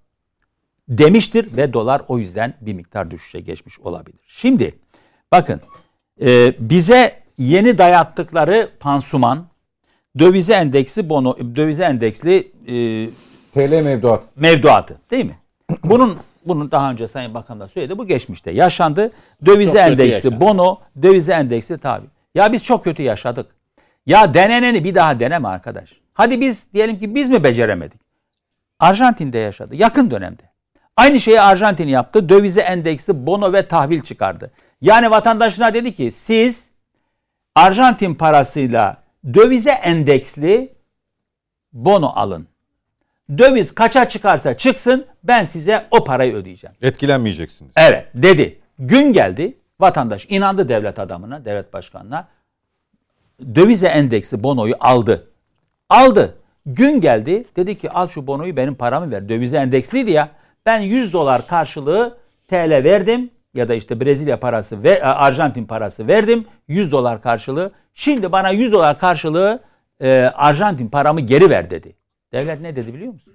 Veremiyorum dedi. Çünkü param yok dedi. Veremiyorum. Niye? Çünkü paraları swap'a gönderdim dedi. Paralar benim sana bu parayı ödemem için yeniden para basmam lazım dedi. Bak dövize endeksi 100 dolar karşılığı TL'ye çevir. Türkiye'nin başına geleceği söyleyelim şimdi. 100 dolar karşılığı parayı ben götürdüm TL olarak bankaya yatırdım. Diyelim ki Tayyip Erdoğan'a güvendim. 100 dolar karşılığı bugün nedir? Diyelim ki 1500 lira. Götürdüm 100 doları yatırdım. Ve dedi ki bana Tayyip Erdoğan sen bu 100 dolar karşılığı 1500 lira yatır kardeşim. Yeri zamanı geldiğinde döviz ne olursa olsun ben sana dövizin o günkü fiyatından bu parayı ödeyeceğim. Yani döviz 20 lira olursa ben sana 2000 lira ödeyeceğim dedi. 1500 lira yatır garantisi benim dedi. 20 lira olsun yani 100 dolar 2000 liraya çıksın ben sana 2000 lira ödeyeceğim. Ki bu açıklama ve karar bu o demek. Yani ne olduğunu biraz daha yarın öbür gün anlayacağız ama benim anladığım bu. Artı Yarın- faizi bir de değil mi? Bir de faizi. Tabii yarın ben 100 dolar karşılığı TL'mi geri ver dolar 20 lira oldu ver 2000 lira dediğimde Tayyip Erdoğan ya yerinde oturmuyor olacak ya da diyecek ki kusura bakma ben ödemeleri askıya alıyorum yeni para basamam kusura bakma biraz bekleyeceksin. Arjantin böyle bir kanun çıkardı askıya aldı. Vatandaşı perişan oldu. Niye Arjantin gibi olalım ki? Ben de onu söylüyorum. Hayır hayır. Niye Arjantin belki gibi olmayız. Efendim bakın bunun başka yolu yoktur. Siz eğer dövize endeksli parayı alırsanız döviz yükselmeye devam ediyor. Siz de bu parayı öderken bu durumda dövize endeksli TL ödemeniz lazım. E paranız yoksa bu ödemeyi yapmanız mümkün değil. Daha önce de bunu yaptık olmadı. Hayır, hayır, Arjantin'de yaptı olmadı. şunu- 50 kere mi Şunu tokat söylemeye yiyeceğiz? çalışıyorum. Burada Murat şey değil midir hocam? Yani dövizin biraz frenlemesi, Ama frenleme şey de var. önünün maddesi alınması. de var. Bakın Ee, eğer ekonominiz vazgeçtim ekonomi güçlü olsaydı böyle olmazdı zaten. Ama diyelim ki ekonominiz kısmen güçlü, kısmen tutunuyor dışıyla tırnağıyla tutunuyor. Bu tutar. Ama şimdi savrulan bir ekonomi var. Savrulan bir yani ekonomide şunu mu bu demek tutmaz. istiyorsunuz hocam? 15 liraya aldınız sizin örneğinizden hareketle 100 dolar. Olsa olsa 16 olur. Dolayısıyla 1600 olur. Evet. Ben Gelip de bunu sana gelebileceği yer bu kadardır. Ha. Ondan sonra da zaten çok yukarı yönlü hareket etmez. Ama şey İçeride var. de hareketlilik Şimdi başlamıştır. Burada- bundan dolayı. için şuna dikkat ettiniz mi? TL teşviki. Hayır hayır bunu çelişen başka bir şey var. Diyor ki aynı açıklamada, bugünkü açıklamada. Döviz kurundaki dalgalanma sebebiyle fiyat vermekte zorlanan ihracatçı firmalarımıza doğrudan Merkez Bankası aracılığıyla ileri vadeli kur rakamı verilecek. İşte bu. Yani kuru da ben yükselteceğim diyor. Hayır Tabii, yükselteceğim. Tabii tabii. Diyor. İleri vadeli. İleri İleri vadeli evet. E, bu da o ilk verdiğinin tersine bir şey. Peki şu TÜSİAD'a da gelelim Şimdi- mi yavaş yavaş hocam? Evet, şimdi hemen oradan bağlayalım. Şimdi bakın, neden bir cumhurbaşkanı ben size dövize endeksli yatırım yapmanızı sağlayacağım der ve insanlar güvenmez. Neden cumhurbaşkanı yastığınızın altındaki parayı çıkarın, doları çıkarın, bozdurun der ve AK Parti yöneticileri bile bak vazgeçtim oy verenlerden. AK Parti yöneticileri bile götürüp bu doları bozdurmaz. Neden? Çünkü Cumhurbaşkanına güven kalmamıştır. Cumhurbaşkanına zerre-i miskal güven kalmamıştır. Çünkü Cumhurbaşkanı kendi eliyle bu güveni yok etmiştir. Nerede? TÜSİAD'a verdiği cevapta. TÜSİAD ne demiş? TÜSİAD diyor ki istikrar sağlanmadan hedef gerçekleşmez. Bunda ne var? Sen diyor istikrarı sağlayacaksın önce. Ekonomik istikrarı sağlayacaksın ki güven olsun piyasalarda ve herkes dövize koşmasın ve yatırımcı da dışarıdan gelsin buraya yatırım yapsın. Yani biz diyor ki o kadar kötü durumdayız ki yatırım bir tarafa üretim planları bile yapamıyoruz. Şimdi bunu söyleyen TÜSİAD. Yani e, Türkiye Sanayici ve İş Adamları, İş, İş İnsanları Derneği bunu söylüyor. Peki bu bir uyarıdır. Efendim bunun karşısında müsiyat tepkisel olarak bir açıklama yapıyor. Yapabilir. O bir o da bir iş insanıdır. İş insanları cemiyetidir. Onlar ekonomiyi aralarında tabii ki konuşabilirler. Peki Sayın Cumhurbaşkanı ne diyor? Ne yapıyor da Cumhurbaşkanı kendine olan güveni yok ediyor? Aynen kendi cümlesini okuyorum. Neymiş efendim? Faizi düşürüyormuşuz. Benden başka bir şey beklemeyin. Bir Müslüman olarak Nas neyi gerektiriyorsa onu yapmaya devam edeceğim. Bakın. Bir Müslüman olarak bunu tekrar konuşacağız. Hangi kanalda olduğumu farkındayım. Bizi kimlerin daha çok izlediğini de farkında olarak bunu özellikle bu cümleyi Rahat seçtim. olun hocam. Buraya gelmiş çok olmanız rahatım. demek. Evet. Ben çok rahatım.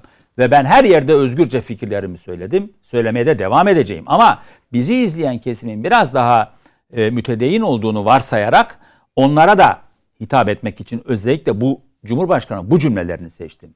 Tekrar söylüyorum. Neymiş efendim? Faizi düşürüyormuşuz. Benden başka bir şey beklemeyin. Bir Müslüman olarak nas yani nas dediği nedir? Bugüne kadar efendim işte Peygamber Efendimiz'den bu yana e, oluşan İslam külliyatı. Kur'an'dan başlayın, sünnette devam edin, hadiste devam edin. Bugüne kadar bir, bir, biriken bütün İslami birikimler ne emrediyorsa diyor ben onu yapmaya devam edeceğim.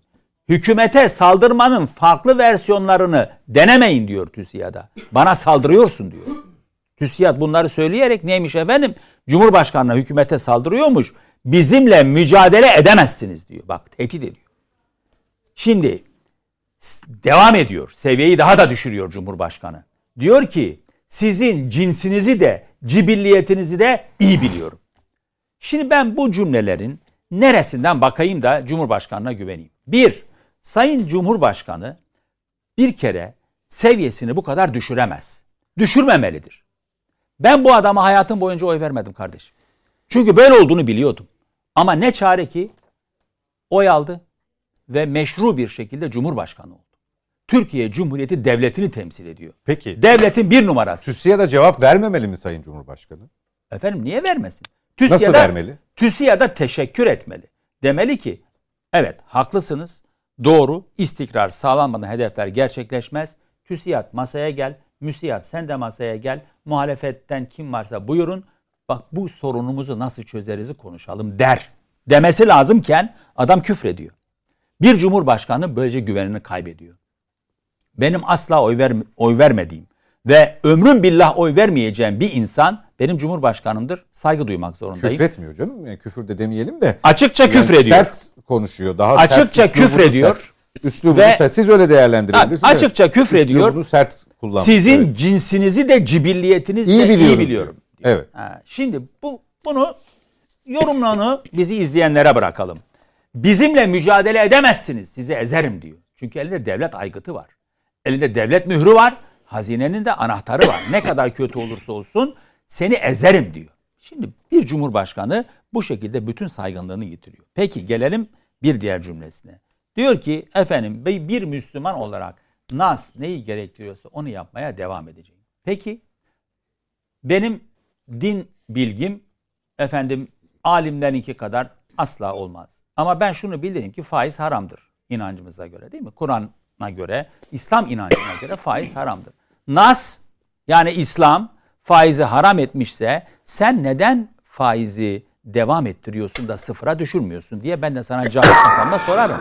Madem Nas sana faizi haram etmiş o zaman sıfıra düşür. Hadi yiğit sen yap bakalım Sayın Cumhurbaşkanı.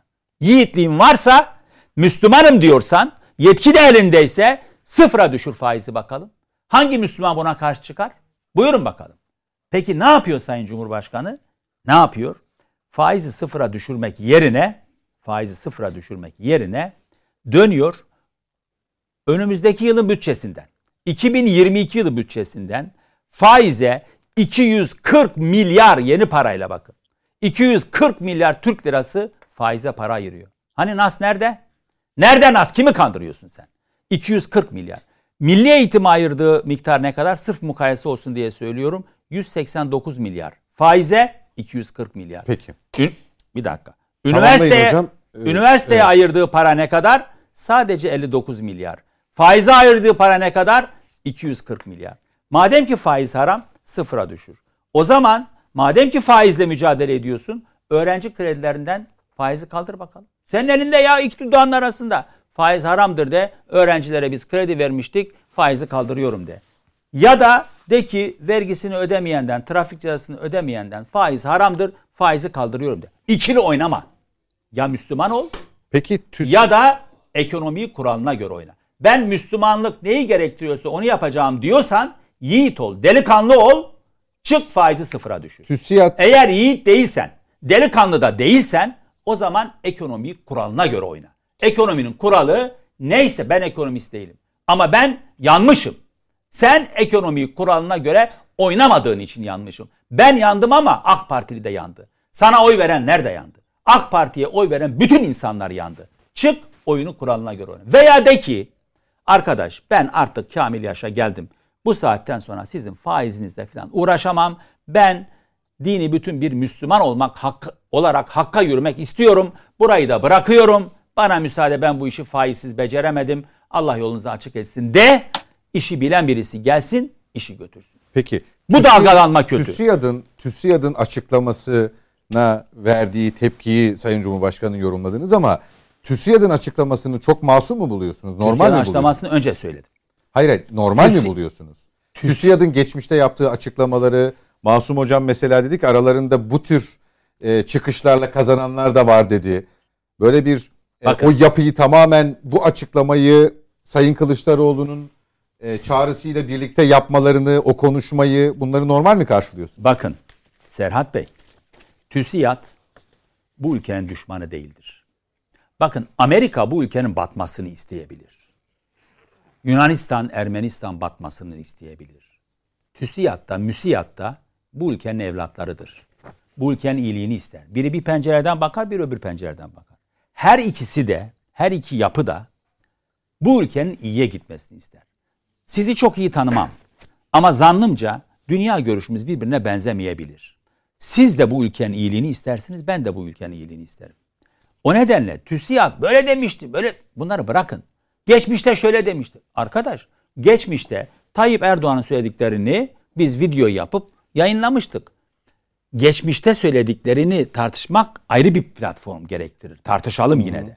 Bugünün TÜSİAD'ının ne söylediğini ben size söyledim. Ben söylemedim. TÜSİAD'ın ne söylediğini okudum. İstikrar sağlanmadan hedefler gerçekleşmez diyor. Yalan mı? Ya da yatırım bir tarafa üretim planı bile yapamıyoruz diyor. Yalan mı? Ham madde bulamıyoruz diyor. Yalan mı? Bana çıksın Cumhurbaşkanı desin ki TÜSİAD şu konuda yalan söylüyor. Şu doğru değildir. Bu sebepten dolayı halkı kin ve nefrete kışkırtmaktan dolayı haklarında dava açıyorum desin. Buyursun Yüce Türk Mahkemeleri orada. Peki. TÜSİAD'ın söylediğinde bir tek bakın ben ben hayatım boyunca işçiden emekçiden yana oldum. Hep de TÜSİAD'la da ya da patronlarla da kavga etmişimdir. Ama TÜSİAD'ın ülke için bu söylediklerinde bir tek yalan maalesef yoktur. Keşke yalan olsaydı. Keşke ülke bu durumda olmasaydı. Ama TÜSİAD maalesef doğruları söylüyor. Ha yalan söylüyorsa sen devletsin. Yalan söyleyenin gereğini yap ve bizi Peki, kışkırtmasına teşekkür engel ederim hocam. Nedim Şener'e geçelim. TÜSİAD başlığıyla e, bir rant savunuculuğu durumu görüyor musun TÜSİAD'da? Bu geçmişinden hareketle bu açıklamaya bağlayacağız belki ama asıl tartışılan, konuşulan e, CHP Genel Başkanı Sayın Kılıçdaroğlu'nun çağrısıydı. Sonra e, TÜSİAD'dan bildiri geldi ve en son Sayın Cumhurbaşkanı da TÜSİAD'a bu şekilde tepki gösterdi. Şimdi e, zor olan şey şu. e, ekonomik bu işleyişten şahsi çıkarsız e, konuşabilmek, siyasi çıkarsız konuşabilmek e, çok zor olan bir şeydir. Buradaki şahısların Aytu Bey gibi. Bu arada Aytu Bey tansiyon konusunda ve virüs bulaşımı konusundaki hekimlik bilgisini ben böyle e, çok e, öğretici bir şekilde şey, bir hekim olarak büyük saygım var. bir Yani evet. bir tansiyon konusundaki bilgileri de gerçekten çok hoştu yani anlatımı. Ekonomiye bağlaması da şeydi e, incelik. E, şunu söyleyeyim. E, TÜSİAD'ı da e, bir dünya görüşünden azade değerlendiremeyiz. Yani yaptıkları açıklamaları, duruşu, küresel sistemdeki rolünü e, ya bunlar sadece bir iş adamı. E, paralarına, karlarına bakarlar, ekonominin işleyişine bakarlar. Hayır, onların da bir siyasi hedefleri var. Geçmiş yıllarda, e, 79 yılında 12 Eylül darbesinden yaklaşık bir buçuk yıl önce o zamanın işte Başbakan Ecevit ciddi bir kapışmaları var. Sendikaların onlara karşı verdiği ilanlar var. İlanlar üzerinden bir mücadele stratejisi var. Hala 12 Eylül'e giden yolda önemli bir aşama olarak değerlendirilir. Bunu yapan da hem de CHP kanadıdır. sol kesimdir, sosyalist kesimdir. Yani TÜSİAD'ın konumlan, konumlaşı odur. Ve TÜSİAD elbette ki kriminalize edilecek falan bir kuruluş ama bir konumu var. Dünya üzerine bir konum var. Olaylara bir bakışı var. Diğer siyasi olaylara bazı hukuki meselelere yaklaşımı da olduğu gibi farkları var. Farklarımız var. Ee, bir kere yani TÜSİAD'ın e, e, üyelerine falan bakın. E, hemen her krizde darbeler süreci dahil olmak üzere e, kaybeden kesimde değildir. Mesela işçi kesimi kaybeden kesimdir. Gelirleri düşer. Ama onların karlarında çok bir kayıp görmezsiniz. Zaman zaman bazı üyelerinde değişiklik olur ama ana omurga hep aynıdır. Dolayısıyla bugün de olayları değerlendirirken e, son yaptığı açıklamayı hükümete bir karşı duruş, bir karşı çıkış olarak okumak mümkün değil. Yani ben öyle okumuyorum. Sadece diyor ki ekonomi biliminin gereklerine uygun bir öneride bulunuyor. Yani ne diyor ne diyoruz biz? Yani diyorlar. Şimdi ana ana hedef Merkez Bankası'nda internet sayfasına yazar. Ana hedef faiz faizle mücadele özür dilerim. Enflasyonla mücadeledir. Fiyat istikrardır. Ana amacı Merkez Bankası'nda ya toplum çünkü ekonominin bütün bu konuşulan aktörlerinden faaliyetlerinden yaşadığı sonuç fiyat fiyat konusudur. Enflasyona bakar vatandaşlar. Yani sizin burada baz puanlar, hazinenin borçlanma faizi, Merkez Bankası'nın faizi, işte gecelik alım satım, spekülasyon, manipülasyon vatandaş bunların muhatabı değildir. Vatandaş enflasyonun yani pazarda ekonomide ne yaşadığının cebine bakar derdindedir. Yani. Evet or, or, oradan değerlendirir. Dolayısıyla merkez bankaları da hükümet politikalarına uygun olarak enflasyonun düşüşünü değerlendirirler. Şimdi TÜSİAD burada diyor ki siz enflasyonu düşürmek için faizi aşağı çekiyorsunuz. Oysa bilinen ekonomi e, teorisinde bir e, enflasyon rakamı varsa onu aşağı baskılamak için faizi üzerine tutarsınız. Dolayısıyla enflasyon onun üzerine yani da, talebi daraltırsınız. Ondan sonra e, şey enflasyonu yapar. Düşer. Enflasyonu düşürürsünüz gibi bir yaklaşım farkları var. Ama burada da hükümet diyor ki ben başka bir şey deniyorum. Şimdi TÜSİAD'ın önerdiği sistemde e, şey e, asıl kazanç çıkanlar sıcak para sahipleri.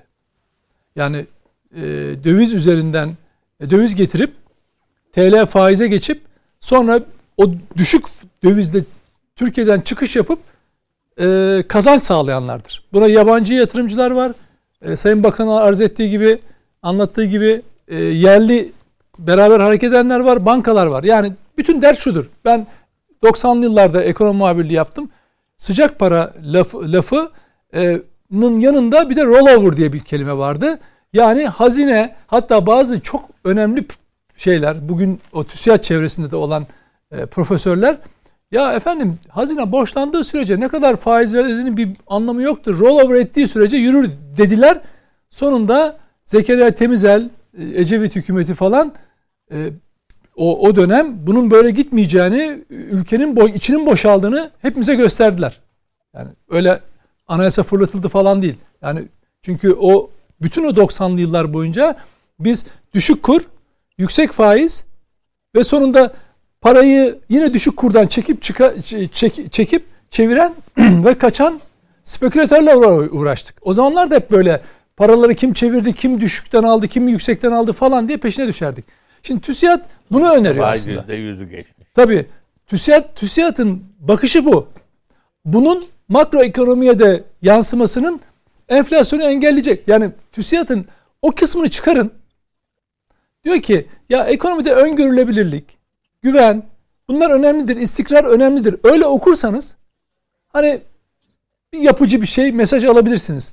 Ama TÜSİAD bunu yaparken e, belki de Kılıçdaroğlu'nun aceleciliğinden bir gün önce onu arayıp TÜSİAD'ı arayıp ya açıklama yapsanıza bilmem ne yapması demesi işi politikleştirdi ve Cumhurbaşkanı'nın bahsettiğiniz tepkisine sebep oldu. Çünkü belki TÜSİAD daha başka e, e, mesela top ondan açıklama ondan önce açıklama yaptı. Mesela Rıfat Esrarcıoğlu da benzer bir açıklamayı daha öncesinde yaptı ama ona tepki göstermedi.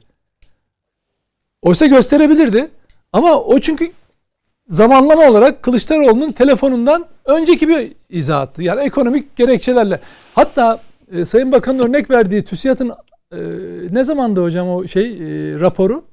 E, Ekim ayında. Ekim ayında. Nedim Mesela, Bey doğru mu anladım diye soruyorum. Kılıçdaroğlu TÜSİAD'ı aradı, açıklama yapın dedi ve TÜSİAD da açıklama yaptı. Yok yok hayır öyle demiyorum. Ha. Bir zamanlama hatası. Yani bir tesadüf ha. olayı politikleştirdi. Şimdi oldu. Ha, politik yani eğer aramasa belki Cumhurbaşkanı bu tepkiyi de göstermeyecek. Çünkü niye? Zaten Hısarcıklıoğlu'nun gösterdiği tepki. Ekim'deki yapısal dönüşümle ilgili rapor aslında ona tepki gösterebilirdi Cumhurbaşkanı. Ya bu ne rapor kardeşim siz küresel bilmem neyin aktörü müsünüz falan deyip söyleyebilirdi. Ama onu iş dünyasının bir söyleme, söyleme olarak bırakıp geçti. Mesela Hisarcıklıoğlu'nun söylediği açıklamalar.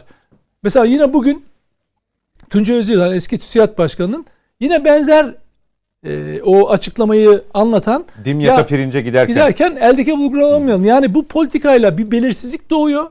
Bizim burada anlattığımız güven ve istikrar meselesi var ya. Bu ekonomi yani siyasi aktörlerin aldığı kararların ekonomik aktörlere, hepimize, yurttaşlara vereceği güvenle ilgili bir şey. Yani biz burada deminden beri ne anlatıyoruz? Biz biz şunlardan hiç olmadık. Dolar 18 liraya gittiği zaman ülke battı deyip 14 liraya düştüğünde de tamam ülke refah içine kavuştu diyecek bir durumda değiliz. Çünkü bunun bir anomali olduğunu Aytu Bey de çok etkili bir şekilde anlattı. Dedi ki bu vücuttaki bir rahatsızlıktır. Bunu belki bir şokla düzeltebilirsiniz. Tansiyon ilacı değil mi Aytu Bey? Bir tansiyon ilacı verirsin tak düşürürsünüz ve onu istikrarlı bir şekilde kullanırsınız. Yani onun o hasta bünyede hasta hasta bünye şöyle bu hasta bünye meselesi 90'lı yıllarda tıpkı bu bizim dejavu gibi. Yani biz bununla, bu hikayeyi aynısını yaşadık. Benzerlerini yaşadık. O zaman da gerçekten yani Türkiye siyasi olarak da e, kolay bir coğrafya değil. E, şu anda içinde bulunduğu durum da şey değil. Ama ben mesela Aytu Bey ile Aytu Bey'in anlattığı konular 2012'ye kadar gelen süreçte eğer bahsettiği yapısal reformlar etkili bir şekilde uygulansaydı sonraki krizler ya da sonraki dalgalanmalar yaşanmayabilirdi. Ama o zaman da bunlar olmadı. Peki ne oldu o zaman? Yani AKP'nin o zamanki başarısının arkasında ne vardı? Bütün bu küresel aktörlerin desteği vardı. 2011-2012'ye kadar ki bunun bir miladı e, 2009'da One Minute olayıdır. Erdoğan küresel güçlerle ilk kez bir mücadele şeye girdi. Kapışmaya girdi, bir çarpışmaya girdi. 2010 yılında Mavi Marmara olayıyla artık bir savaş başladı. Aslında bu biz FETÖ üzerinden bunu okuyoruz ama bu küresel güçlerle yaşanan bir savaştı. O tarihlerde 2010'u hatırlarsanız bir danışmanı vardı Cumhurbaşkanı'nın. Biz liberallerle de yolumuzu ayırıyoruz artık diye. Hani metin yazarı vardı ya e, Cumhurbaşkanı'nın. Mesela liberallerle de yolumuzu ayırıyoruz. Bu aslında ciddi bir şey e, eksen değiştirmesiydi. Bir mücadelenin başlangıcıydı. Ha bu şöyle bir şey değildi ama toplumu da içine alan bir ortaya program konmuş milli bir ulusalcılık bir politikası değildi. Cumhurbaşkanı Erdoğan'ın bir güç mücadelesiydi küresel güçlerle. 2002-2010 arası hani o Aytu Bey'in söylediği ya işte ekonomide iyi götürdü bilmem ne yaptı 1 lira bir çünkü eğer küresel güçler sizi desteklerse dolar orada da tutarlar. Ama küresel güçlerle kavgaya başladığınız zaman ekonominizdeki hastalıklar ortaya çıkmaya başlar. Yabancı ajanslar sizi överler överler. Avrupa Birlikçi diye sizi göklere çıkarırlar. Sonra bir bakarsınız dolar kuru üzerinden efendim sosyal sigorta açıklarından hatta bugün yaptıkları gibi sokak röportajlarıyla yabancı ajanslar vatandaşın nabzını tutmaya başlarlar. Toplumdaki şikayetler yükselmeye başlar. Bu iş böyle yürür. İşin içine medya da girer. Medya operasyonları da girer. O yüzden deminden bakanın söylediği bütün bu anlattığımız klasik ekonomi eğitimi vardır ya. Bunların hepsi aslında palavra. Yani o klasik eğitim niye? Çok basit bir şey vereceğim. Piyasa ekonomisi serbest piyasadan bahsedeceğim. Şimdi biz ola ki petrol bulalım. Yani Türkiye'yi yüzyıllarca yetecek bir petrol bulalım ve dünyaya da satabilecek. Dünyanın en büyük rezervini bulmuş olalım bir an için. Tıpkı Venezuela gibi. Eğer o serbest piyasanın ilahı e, ekonomi ödülleri alan üst üste e, Amerikan üniversiteleri var ya hani. Onlar Amerikan sistemi. Eğer Amerikan sistemi size bu petrolü sattırmazsa işletmetirmezse tıpkı Venezuela gibi yüzde yedi binler, beş binler, on binler enflasyonla boğuşursunuz. Su bulamazsınız, elektriğinizi kese, elektriğiniz kesilir. Bak enerjiniz var ya, petrolünüz var. Satamıyorsunuz, paraya çeviremiyorsunuz. Dolayısıyla şunu anlatmaya çalışıyorum. Sizin küre, yani bu küresel güçlerle mücadeleye başladığınız zaman bunun aktörleri karşınıza dikilir. Ben TÜSİAD'ı bu anlamda buraya konumlandırıyorum. Deminden Kılıçdaroğlu bahsine girmemin nedeni şeydi. Bir tesadüf. Orada ona yapacağım eleştiri şu olabilir. Ben bir sosyal demokrat partinin TÜSİAD'ı değil sendikaları aramasını beklerim. Çünkü sosyal demokrat partiler özü itibariyle yani politik olarak mesela bunu AKP ile e, TÜSİAD, AKP ile MÜSİAD, TOP anlarım. Çünkü sağ e, e, siyaset ekolünden onların birbiriyle ilişkisi başka bir düzeydedir. Sosyal demokrat olan bir parti mesela sendikaları arar. Toplumun nabzına, nabzına bakar. Ona ilişkin politikalar üretir. Ne üretir? Mesela şöyle bir şey yapar. Ya TÜSİAD'a kardeşim TÜSİAD e, yapsı, konuşsanıza falan filan. Ben CHP'nin başında olsam, ben alternatif olsam, mesela bugün Şili'de sosyalistler mesela iktidar olmuş. Şöyle yaparım. Siz bu ekonomiyi böyle yapın. Ben iktidara geldiğim zaman böyle TÜSİAD, MÜSİAD falan filan değil. O işte AKP'ye yakın, efendim diyelim TÜSİAD'a yakın. Kim varsa yani şey hiç fark etmez. Ben bu iş dünyasından şöyle bir vergi salacağım. Yoksul kesimlere şöyle dağıtacağım. Çünkü Sosyal Demokrat Partilerin özelliği dünyada budur. Bölüşüm politikaları yani üretim modellemesi vardır ama bir üretim modeli vardır ülkelerde. Asıl politikalar hep bölüşüm üzerinedir. Onları da o başarılı kılar. Ama eğer CHP'nin genel başkanı TÜSİAD'ı arıyorsa ben bunu bakın yine söylüyorum. Sadece bir tesadüften ibaret görüyorum. Yoksa Kılıçdaroğlu TÜSİAD'ın açıklama yapacağını sufle olarak ben onu görmüyorum. Öyle görmüyorum. Peki. Yani ne, ne Kılıçdaroğlu yani hatta öyle olduğunu bilse aramazdı bile, bile belki. E, çünkü şeyde e, o akşam TÜSİAD Başkanı'nın yaptığı açıklamada size de telefonda söylediğim gibi diyerek aslında başına Konuştuk. bir bela almamak için bir ön aldığını görebiliyoruz. Konuştuklarını hatırlatıyor. Çünkü biz e, Kılıçdaroğlu TÜSİAD Başkanı'nı aradım yarın açıklama yapacaklar demiyor. TÜSİAD Başkanı aradım şöyle şöyle şöyle şöyle şöyle dedim diyor. Belli ki TÜSİAD Başkanı biraz orada şey yapmış bu işin siyasi e, tartışmaya konu olabileceğini düşünmüş. Kendi bir açıklama Twitter'dan yapmadığı bir şey her zaman yaptığı bir şey değil e, TÜSİAD Başkanı'nın. Bir ön alarak diyor ki telefonda da size söylediğim gibi e, görüşlerimizi kamuoyuyla ve işte e, ilgili kurumlarla paylaşmaya devam edeceğiz diyerek aslında biraz işi siyasetten uzak durmaya çalıştığını göstermiştir. O açıklaması öyle hükümete karşı falan içerik taşımıyor. İstese daha fazlasını yapabilir. Ama onu yapacak cesaretlerinin olduğunu düşünmüyorum. Sadece bir ekonomi e, programında güven istikrar önemlidir. İşte şu anda yapı, uygulanan ekonomik politika bize o şeyi vermiyor. O yüzden klasik ekonomi bildiğimiz ekonomi yöntemlerine e, uygulanırsa biz de bu konuda hükümetin yanındayız diyerek zaten e, bir pozisyon alıyor. Peki. Sadece bir cümle izin verir misiniz? Çok CHP? kısa lütfen. Sadece bir Mete, cümle. Mete Cumhuriyet Halk Partisi TÜSİAD'ı da arar, MÜSİAD'ı da arar, sendikayı da arar, her yeri arar, aramalıdır, arayacaktır. Buradaki amaç seni aradım, senin yanındayım anlamında değildir ya da senin karşındayım anlamında değildir. TÜSİAD da bir sivil toplum kuruluşudur. Sendika da işçi haklarını savurur. Biz biz refaha karşı değiliz. Biz ülkenin zenginliğine karşı değiliz. Kazanan kazandığı kadar vergisini öder. Çok kazandan çok vergi alırız. Alınan bu vergiyi de az kazananların refahı için kullanırız. Biz TÜSİAD'la konuşmaya devam edeceğiz. Edeceğiz. Biz sendikaları içimize alıyor. Her dönem sendika başkanlarından bizim partimizde milletvekili yapan arkadaşlarımız var. Sendikasız Peki. biz yaşayamayız. O ayrımı yapmamız lazım. Peki. Mete Erer, e, TÜSİAD başlığıyla ilgili sen neler söylersin? E, zamanlama kısmına dikkat çekti Nedim Şener. O ama, bir tesadüf. Yani evet, ben onu e, yine söylüyorum. Tesadüften, rastlantıdan ibaret Zaten taraflar, söyledi. bakın Kılıçdaroğlu... Top Başkanı'nın, Türkiye Odalar ve Borsalar Birliği Başkanı'nın açıklamalarını hatırlatarak hatta o kısmın altını çizdi. Ama e, düşük faizi istemedikleri, çok da haz etmedikleri de ortada gibi gözüküyor. Ne dersin?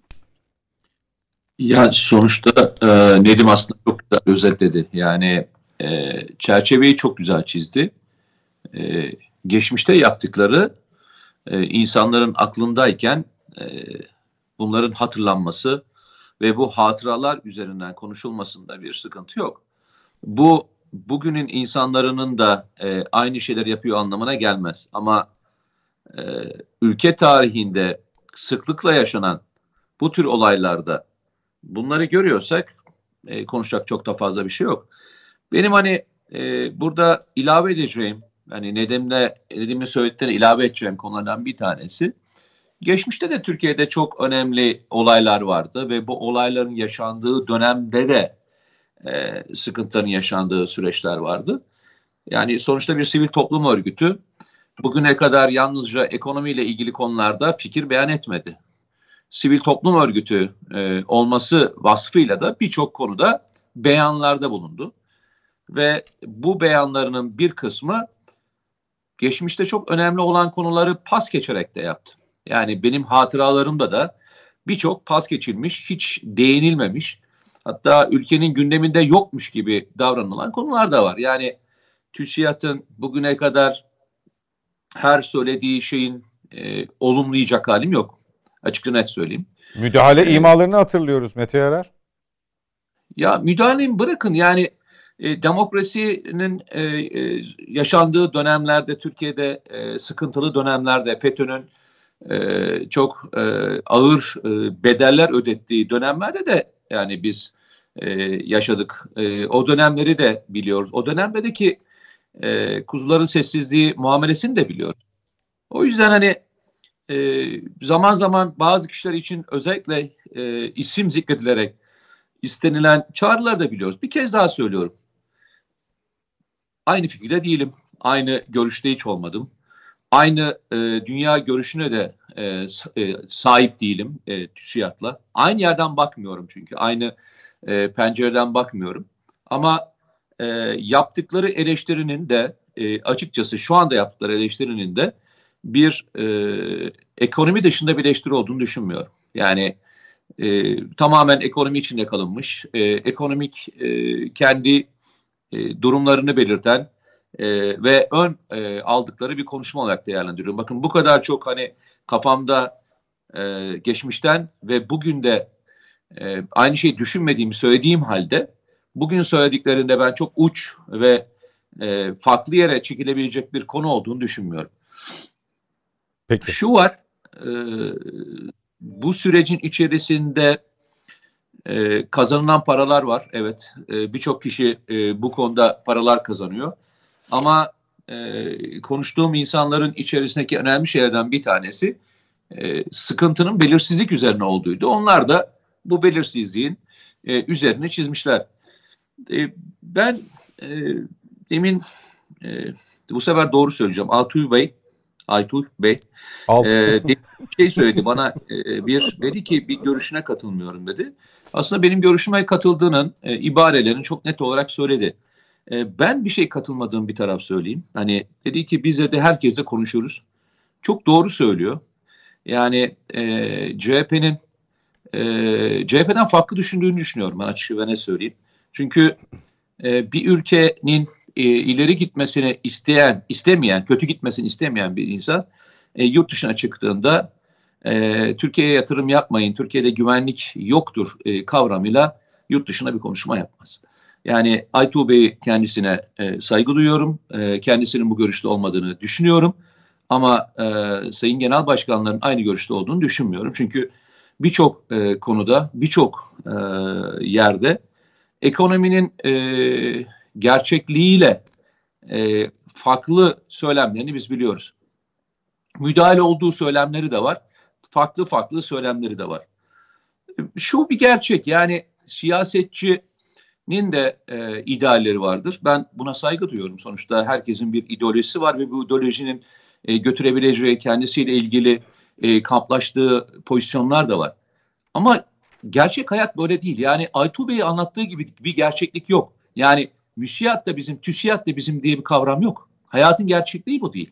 Çünkü yani körfez sermayesiyle batı sermayesi arasında e, seçicilik yaptı, yapılan bir ortamı biz net olarak görüyoruz. Yani oturup her gün e, bir Katar'a Aselsan satıldı, Katar'a ora satıldı, bura satıldı diye başlayan yalanlarla uğraşmaktan artık memleket unutuldu. Ama bu arada ülkede kaç tane şirket batılı firmalara satılmıştır kimsenin haberi yok. Ama Körfez'le ilgili olduğu zaman, Körfez'le ilgili mevzu olduğu zaman e, nasıl büyük bir ses çıktığını biz hep beraber biliyoruz. Yani onlar Türkiye'ye çöküyorlar, e, Batı çökmüyor mu hikayesinde miyiz? Yoksa ikisine de mi aynı şekilde tavra bakıyorsunuz? Hangisindesiniz? Tutarlılığınızda hani dedi ya biz TÜSİAD da bizden, MÜSİAD da bizden. Yok hiç öyle bir şey yok. Yani Peki. eğer öyle olmuş olsaydı bu bakış açısını biz e, sermayenin dünyanın neresinde gelirse gelsin eşit miktarda geldiği müddetçe, adil geldiği müddetçe ve Türkiye'nin yararına olduğu müddetçe e, başımızın üzerinde e, vardır diye konuşuruz. Spekülasyonların tamamının e, farklı farklı ülkelerden geldiğinde yüksek boyutlu yapılıp diğer ülkelerin Türkiye'deki manipülasyonlarını yok saymayı açıkçası ben e, çok da doğru bulmuyorum. E, sosyal demokrat olsun, isterse muhafazakar olsun, isterse farklı farklı söylemlerde olsun. Bu söylemlerin içerisindeki bir, bir gerçeklik var. Ekonominin iyi tarafları ve kötü tarafları dağılırken oy verenlere göre dağılmıyor. Oy verenlerin e, yaşam şartlarına göre dağılmıyor. Evet doğru söylüyor. Aslında Aytunç Bey'in söylediği taraflardan bir tanesi doğru. Ee, en çok AK Partili'nin e, AK Partililer bu konuda e, zarar gördüler. Çünkü profile baktığınızda e, hangi profildeki insanların ekonomik durumuna göre e, hangi profildeki insanların kimlere oy verdiğini biz çok rahat biliyoruz. Hiçbir parti e, kendisine oy veren dahil olmak üzere ülkedeki hiçbir vatandaşın zarar görmesini istemez. Ama maalesef son dönemde yaşananların bir kısmının e, görmezden gelinmesini de ben e, açıkçası anlamakta zorlanıyorum. Yani e, 2010'dan sonra 11'den sonra yaşanan süreçleri e, bu ülkede e, yok sayarak hani dedi ya e, benim itiraz ettiğim konulardan bir tanesi işte yurt dışından ve diğer yerlerden. Arkadaşlar geçen günde e, Masum Bey'le aynı programdaydık. Bir örnek hatırlattım. 2011 yılı örneğini verdim. Bazen çünkü bazı eski ekonomi bakanları o dönemi çok örnek veriyorlar. 2011 yılı Türkiye'nin en fazla cari açık verdiği yıl demiştim. 77.2 milyar dolar. Türkiye'nin toplam e, şeyi ne derler e, Merkez Bankası'ndaki parasının toplamı totali 85 milyar dolar. O sene verilen cari açığın toplamı 77.1 milyar dolardı. Arkasından baktığınızda doların e, şeyine bakın. Geçen sene de konuşmuştuk hatırlarsan. Burada sen nefis bir şekilde hatırladın. 1.55 mi demiştin? 65 mi demiştin? Ne? Yani evet. dolar o seviyede. Dolar o seviyede. Ayrıyeten baktığınızda e, reel e, faizle yani politika faiziyle enflasyona baktığınızda neredeyse reel politika faizi enflasyonun yarısı kadar. O dönemde e, yaşananlara baktığınızda hiçbir kişi bunun nasıl böyle olduğunu açıklamadı. Aslında Nedim açıkladı. Dedi ki sizin dedi e, siz dedi eğer birilerinin oyunlarını bozmuyorsanız bu para akışını e, kesmedikleri müte, e, müddetçe bu sıcak parayı kesmedikleri müddetçe açıkçası bu e, sancının ortaya çıkması çok da mümkün değil. Ama 2011 yılından sonra e, coğrafyamızda bırakın coğrafyamızı Afrika'da e, artı Türkiye'de yaşanan süreçlerin tamamına baktığınızda hani Üstad e, hastalıktan örnek verdi. Birlerinizin e, yiyeceğinize zehir kattığını da görmezden gelmeyin. Yani her vücut kendi hastalığını üretmez. Bazen hastalığı hastalık size dışarıdan da enjekte edilebilir.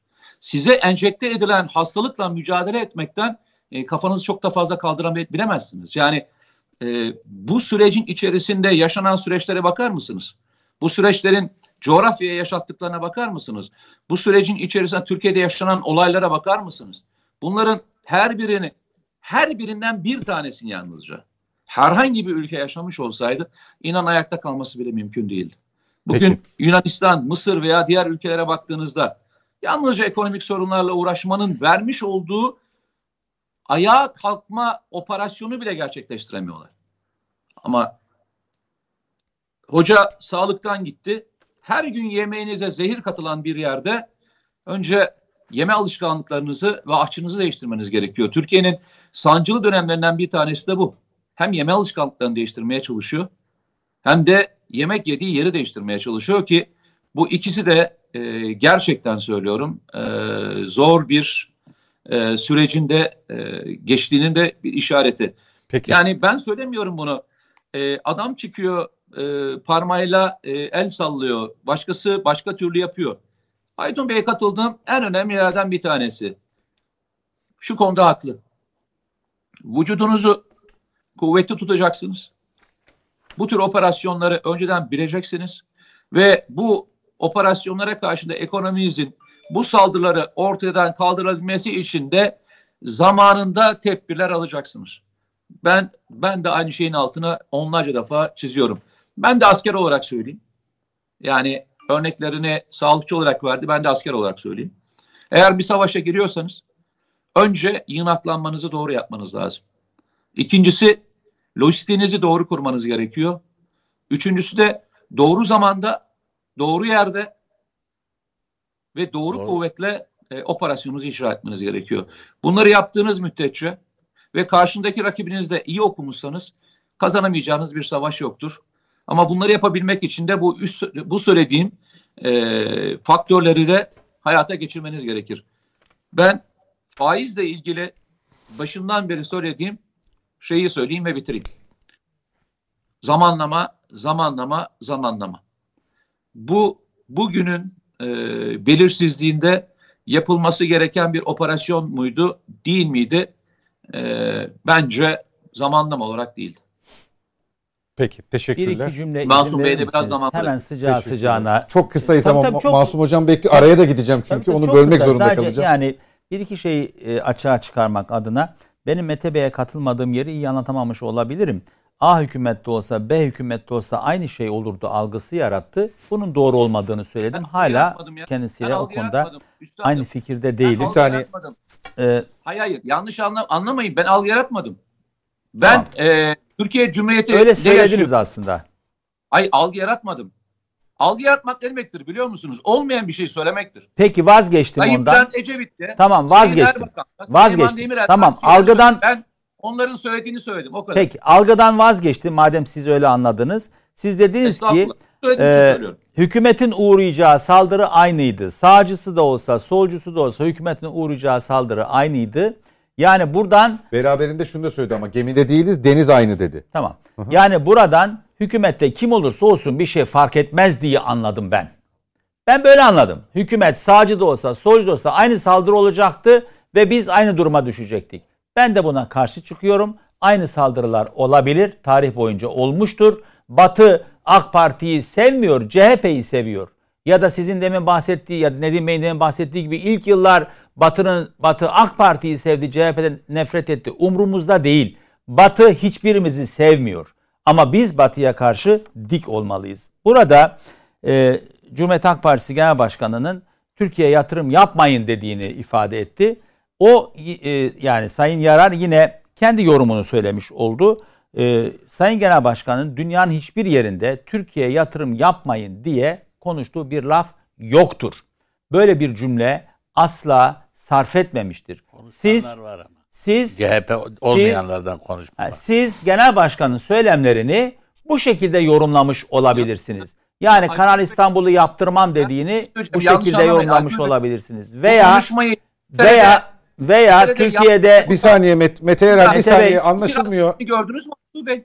hiçbir şey anlamıyorum. Üst üste üst üste geliyor. Bir saniye bir Ben, tamamlasın Mete ben Erer. sizi hiç hiç kesmedim. Hiç çok dikkatle dinledim ve not hayır. aldım. Hadi bir şey söylediğiniz için söylüyorum ben. Ben de kesmiyorum sözünüzü. Kestiniz Hani ama. dediniz ya böyle bir şey söylemedi. Ben size nerede söylediğini söyleyeyim yani hiç merak etmeyin yani şey yok. Açarsınız yazarsınız bunu. Önünüze e, Yazdım. evrak geliyor merak etmeyin. Yazdım İnternet çıkmadı. Hayır. Yazdım çıkmadı. Siz e, kanal, mi? kanal siz de yazın çıkarsa bana gösterin Ben, lütfen. ben size- ya ben internetten e, okumadım. Bir de bu konuda bayağı yazı yazıldı Türkiye'de ya. Bakın Yani keşke Sayın Genel Başkan çıksaydı ben böyle bir söylemi İngiltere'de yapmadım e, diye söyleseydi çok da mutlu olurdum ben Mete açıkçası. Bey Ben söylenen söylenen cümle şudur. Türkiye'de hukukun üstünlüğü yoktur ve can ve mal güvenliği tehlikededir. Bunun aksini iddia eden bir kimse olamaz çünkü Türkiye'de hukukun üstünlüğü yoktur. Hukukun üstünlüğünün olmadığı yerde benim canım da malım da tehlikededir. Ama Sayın Genel Başkanımızın kendi ağzından yapılan yorumları söylemiyorum. Kendi ağzından böyle bir cümle sarf ettiğini söylerseniz ben sizden bu ekranlarda özür dileyeceğim. Ama böyle bir şey yoktur. Birazdan E, e, hiçbir nerede, lütfen nasıl söylediğini okuyacağım. za- zamanımız var. Lütfen bulun. Sayın Cumhur Tabii, tabii. e, Sayın Genel Başkanımızın ağzından bakın siz bir strateji uzmanısınız. Sayın Yok, Genel. Başkanın ağzından e, böyle Ben bir cümle kadar internet kullanıyorum. Beraber gezmiyorum başkanla. efendim bakın karşılıklı konuşursak e, arada me- şey olduğu Tamamlayın araya gecikme- geçmek zorundayım. için gecikme Polemiğe olduğu için birbirimizi Lütfen. anlayamıyoruz. Burada böyle bir cümle sarf etmemiştir. Türkiye'ye yatırım yapmayın diye bir cümle sarf eder mi aklı başında bir insan ya? Bırakın Kemal Kılıçdaroğlu'na sıradan bir vatandaş, aklı çalışan, birazcık izanı olan, birazcık dünyayı, mem- memleketini birazcık Ya seven bir insan böyle bir şey yapar mı? Birazdan ayıp olacak çünkü. Bu kadar iddialı şeyler söylemeyin. Söylüyorum. Genel başkan mahcup edersiniz. Söylüyorum. Yapmayın. Türkiye'ye Gerçekten yatırım iddialı. yapmayın demez. Türkiye'ye Kanal İstanbul'u yaptırmayacağız der. Türkiye'de yapılan dövizli anlaşmaları iptal edeceğiz der. Türkiye'ye yatırım yapmayın der mi bir insan ya? Ya bu birazcık yani Allah aşkına biraz aklı olan bir insan Türkiye'ye yatırım yapmayın der mi? Bakın Katar'dan bahsettiniz. Katar'ın bile buraya yatırım yapmasını istiyoruz. Birleşik Arap Emirlikleri dediniz. Onların bile burada yatırım yapmasını istiyoruz. Ama Katar'a verilen sadece 2-3 şeyi söyleyin de vatandaşlarımız ne demek istediğimizi anlasın. Katar'a son 10 yılda tank palet fabrikasının işletmesini devretti bu hükümet. Borsa İstanbul'un %10'unu devretti bu, bu hükümet. Yine Katar'a Finans Bank devredildi. Katar'a A Bank'ın tamamı satıldı. Şimdi bütün bunlar ve daha birçok şey. Bakın bir Üstadım, sayfa e, dolusu. bakın, e, üstadım manipülasyon Ama beni, yapmayın. beni konuşturmuyorsunuz. Bakın, ben ben sizi üstadım. dikkatle dinledim. Ee, Ama bakın, be- beni konuşturmamaya çalışıyorsunuz. Benim stüdyo, yapıyorsunuz ama. benim stüdyo üstünlüğüm var. Bunu kullanmayacağım. Ben susayım Peki, siz konuşun. Yani siz, Siz mağdur konuşun, olmayın. Ben aldım cevap vereceğim. Peki ö- öylese daha iyi olur. Bizi izleyenler de buradaki saygıdeğer Bir yandan da toparlayalım arkadaşlar hocam da e, süreyi daha iyi birbirimizi daha iyi anlamış oluruz. Ben sizi dinledim, not aldım. Size de söylüyorum. Şimdi efendim son cümlem şu olsun. Efendim müsiyatla tüsiyat bir arada olmazmış. Olur kardeşim. Ben polyanlacı değilim. Ben pembe rüyalar içerisinde yaşayan bir insan değilim. Bakın ben 35 yıllık hekimim. Yaklaşık 34 yıllık hekimim. Ben ne mikroplarla mücadele ettim. Ben bunları söylerken iyimser bir şekilde söylemem. Bütün hekimler daima en kötüyü düşünür. Ben en kötüyü düşünerek söylüyorum. Sayın Cumhurbaşkanı'nın ya taraf olursunuz ya da bertaraf demesi bugün hala kulaklarımızda. Biz diyoruz ki taraf olsanız da bertaraf olmazsınız. Dünya görüşünüz TÜSİAD'la uymuyor mu? MÜSİAD'a git kardeşim. Ama Türkiye'nin âli menfaati söz konusu olduğunda Allah aşkına bir araya gelmesini bilin. Nasıl ki Kıbrıs Savaşı'nda biz bir araya geldiysek, nasıl ki bize bir saldırı olduğunda 15 Temmuz saldırısı, nasıl ki bütün muhalefet ve ülke bir araya geldiyse, âli menfaatlerimizde bir araya gelmesini bilelim. Elbette ki TÜSİAD'la MÜSİAD'ın dünya görüşleri farklıdır. Her iki dünya görüşüne de bu ülkenin ihtiyacı vardır. Peki. Bu dünya görüşlerinden bir sentez çıkarmak ise hükümetin görevidir. Beceremiyorsa bırakır gider, CHP gelir herkesle görüşür, buradan bir sentez çıkarır ve yoluna böyle devam eder. Mete Yarar e, çok kısa lütfen ta- e, tamamlayacaksan. Masum Hoca'ya geçmek zorundayım. Programı da bitirmek durumundayım bu arada. Ee, peki ben o zaman e, şöyle söyleyeyim. Ee, ben dedim ya e, Üstad e, dedi ki Katar'a Borsa İstanbul verildi. Yüzde onu. Arkadaşlar e, bakın yüzde on verme diye bir tabiri yok. E, Kılıçdaroğlu şey Sayın Aytuğ Bey çok iyi bilir. Daha önce bunun e, yüzde onu kime aitti? Biliyor musunuz? Yabancı bir e, Amerikalı bir şirkete aitti. Amerikalı bir gruba aitti. E, bu grup Halk Bankası'ndan sonra Borsa İstanbul'daki hissesini bırakıp döndü. O kalan hissesi bu sefer e, aynı bedelle Katarlı e, şirket tarafından satın alındı. Nasıl oldu da e, bu verildi ve tahsis edildi? Her Bu ikisi bir de yanlıştı değil. efendim. Her Efendim? ikisi de yanlıştı. E, o zaman e, Amerika şirketi olduğunda da keşke yüksek sesle bu kadar çok bağırsa. efendim. Aynen söyledim. Beraber bir de. Yanlıştı efendim. Stratejik ürünler satılamaz. Bir saniye hocam. E, Mete Erer tamamlayın lütfen. Peki, peki. Arkasından tank paleti fabrikası diyorsunuz. Bakın ısrarla tank paleti fabrikası satılmadı. Hayır Tank işletme dedim fabrik- Mete Bey. Yan- yanıltmayın. İşletmesi devredildi dedim. Ben de onu söylüyorum. Bakın işletmesi devredilmedi. Kiralandı. Aynı şey Kiralandı. yahu. Aynı şey. Ay çok farklı şeyler. Bakın çok farklı şeylerden bahsediyoruz. Kiralama işlemiyle ilgili mevzutuna bakarsanız anlarsınız. Yıllarca bakın yıllarca sizin kendi grup başkan vekilinizin rakamlarını kaç milyarlık e, şirketin Katarlara satıldığı tabirini çok rahat bulursunuz. Sizin milletvekiliniz Mersin millet, milletvekilinizin e, ordu Katar'a satıldı lafını siz benden daha önce bilirsiniz. Aynı yerin e, milletvekillerisiniz. Ya keşke bu manipülasyonları bak bakın ben manipülasyon yapmıyorum. Ama bu manipülasyonları yapanlara da lütfen keşke yüksek sesle çıkarsaydınız. Ben de size derdim ki helal olsun. Aytuğ Bey o zaman da lafını söyledi. Şimdi lafını esirgemiyor. Türkiye'nin ordusu satılmaz var, Mete Bey. Ne de Katar'a satılan bir tank paleti fabrikası var. Türkiye'nin Yani ordusu 20 milyar satılmaz. Kim söylerse yanlış söyler. Bakın, Türkiye'nin ordusu satılık değildir. Ancak Allah- Türkiye'nin Ama onu bana söyleyeceksiniz. Onu tabii bana söyleyenlere söylüyorum. Türkiye'nin tank palet fabrikası da kiralanamaz. İşletmesi devredilemez. Hiçbir Peki. şekilde yabancı güçlere tank palet fabrikasının kapısı açılamaz. O benim askerimindir. O halde Bakın- askeri nasıl ki Türk askeri satılık değilse tank palet fabrikası da asla bir yere verilemez, işlettirilemez, göz bebeğimizdir. Sürenin Aynı sonuna- noktadayız. Sürenin sonuna geliyorum. Mete Erer tamamladın mı? Programı bitirmek Şey- durumundayım. Bitirdim daha sonra konuşacağım. Var. Tamam, Eğer peki. kalacak Tamam peki. Hocam çok Şimdi kısa ben TÜSİAD. TÜSİAD'la ilgili şunu söyleyeyim. TÜSİAD en ağır açıklamasını yani ağır sayılabilecek açıklamasını Ekim ayında yeni bir gelecek inşası programında açıklanırken yaptı. Bir ay sonra Kasım ayında Oksijen gazetesi adına sizin o tarihte bu yaptığınız açıklama çok ses getirdi mi? Ne diyorsunuz diye yapıldı. Orada da yine açıklamalar var ve hatta oradaki şeyin e, başlığı faizle ilgilidir. Faiz düşürülmekle aynı şekilde e, piyasanın canlanacağı umulmamalı. Son yapılan açıklama ise bu iki açıklamanın yanında devede kulak. Onlar daha sertti çünkü. Onlar sertti. Sert değil yani yol göstericiydi. Yine üçünde de yol göstericilik var. Politik bir dil var. Yani TÜSİAD'da herhalde tecrübelendiği Ecevit'in öyle gazete reklamından sonra böyle politik açıklamalar yapıyor. Şimdi burada aslında belki de Kılıçdaroğlu ya siz daha evvel e, açıkladınız hiç sesiniz çıkmıyor demiştir. Onların da bu açıklamasının cumartesi günü yapıldığını dikkate alırsak ne zaman toplandılar, nasıl toplandılar kimse sorgulamıyor. Demek ki telefon diplomasisiyle Telefon. be- böyle bir açıklama Telefon yapalım zaten. demişler. Yani kendi aralarında. E, Hisarcıklıoğlu'nun açıklaması da aynı şekilde.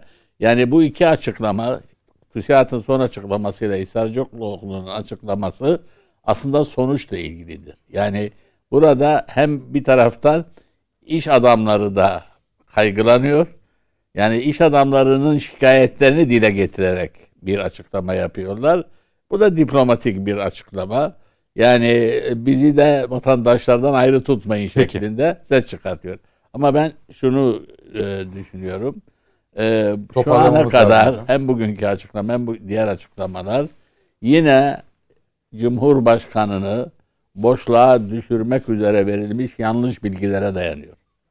Yani bu yanlış bilgiler, bu kışkırtmacı bilgiler bu döviz şimdi konuşurken biraz evvel 13 bin liraya da düştü. Yani e, e, şeyde. Da- daha da siz, alt- konuş- Ha, siz ha. konuştukça düşüyor. Tabii, tabii. Bu çok net artık. tabii evet. tabii. Ama yani bakın ben söylüyorum. Normal döviz 8,5 liradır. Yani kimseyi suçlamasınlar. Peki, bitirmek durumundayım Bu, hocam. bu propagandayı yaratıp bu hale getiriyorlar. Şimdi Türkiye'nin şu anda sıkıntısı şu. Devlet tarafından tehdit etmeden bir yumuşak sözcü açıklaması yapan hiç kimse yok şu anda. Ne bakanlar kurulu adına yapan var ne şey var. Peki. Bu dövizlerin de düşme nedenini hatırlatayım. Yine içerideki konuşmalarından bazılarını öğrenmişlerdir bu işi çevirenler. İçeride belki de daha ağır tedbirler bir eyleme geçireceği söylenmiştir. Onun için biraz hani uçtular dedim ya. O, O uçulan yeri bir geri, geri, geri çekmeye çalışıyorlar birileri. Ama şunu e, kesinlikle Türkiye aleyhinde bazı söylemlere de vatandaşlarımıza seslenmek istiyorum. İnanmayın. Yani oturup da bir e, swap'ın yüksek miktarlı 20 bin lira gibi 20 liraya çıkacak gibi e, d- geleceğin kuru üzerinde anlaşma yapamazlar. Çünkü bu hemen duyulur ve çok kötü gö- götürür hükümeti. Ama bunu da dönsün Cumhurbaşkanı etrafına baksın. Bu konuları kimlerle konuşup nereye götürdüğüne baksın. Ve buradaki yapılan yanlışlıkları durdurmak için yanındakilere bence dikkat etmesi gerektiğini Teşekkür düşünüyorum. ediyorum hocam. Ve son sözüm Bitirmek şu. zorundayım. Son sözüm de şu. Merkez Bankası şu anda iyi yönetilmiyor. İyi yönetilmesi için çok ciddi bir yeniden kendileri yani insanlar kötü niyetli değil ama hep benzer şeylere bakıp iyi yönetilmiyor. Bu iyi yönetilmemenin bedelini illerde ile Merkez Bankası ödeyecek. Çok teşekkür ediyorum Mete hocam. Bey iddiasını için. bulursa önümüzdeki buldum. programa ben kadar söyleyeyim. e, Ben hemen söylüyorum. Can ve mal güvenliği yazın. Yeni Asır'ın manşetten verdiği haber ve içine okursanız yeni asırın bulursunuz. manşetinden bahsetmiyoruz Mete Bey. Kemal Bir saniye, Bey'in bir saniye, bir saniye, çıkan bir saniye. laftan bahsediyoruz. Benim can ve Hayır, o hayır, yeni asırın Aytuğ Bey. o yeni asırın Aytuğ Bey. yorumudur. Aytuğ bir saniye. Ben okuyabilir miyim? Bir dakika. Yazdım ve bulamadım dediniz ya. Ben de size ilk yazdığımda çıkacak ve içinde de Hayır hayır Evet. yeni asır falan. Kemal Bey'in bir saniye. Kemal Bey'in cümlesini istiyorum. Yabancı Yeni ben- asırın Hemen yorumunu okuyorum. değil. Hemen okuyorum. Bir saniye. Mete Yani Mete bir saniye. Onlar Kemal Bey'in söylemi değil.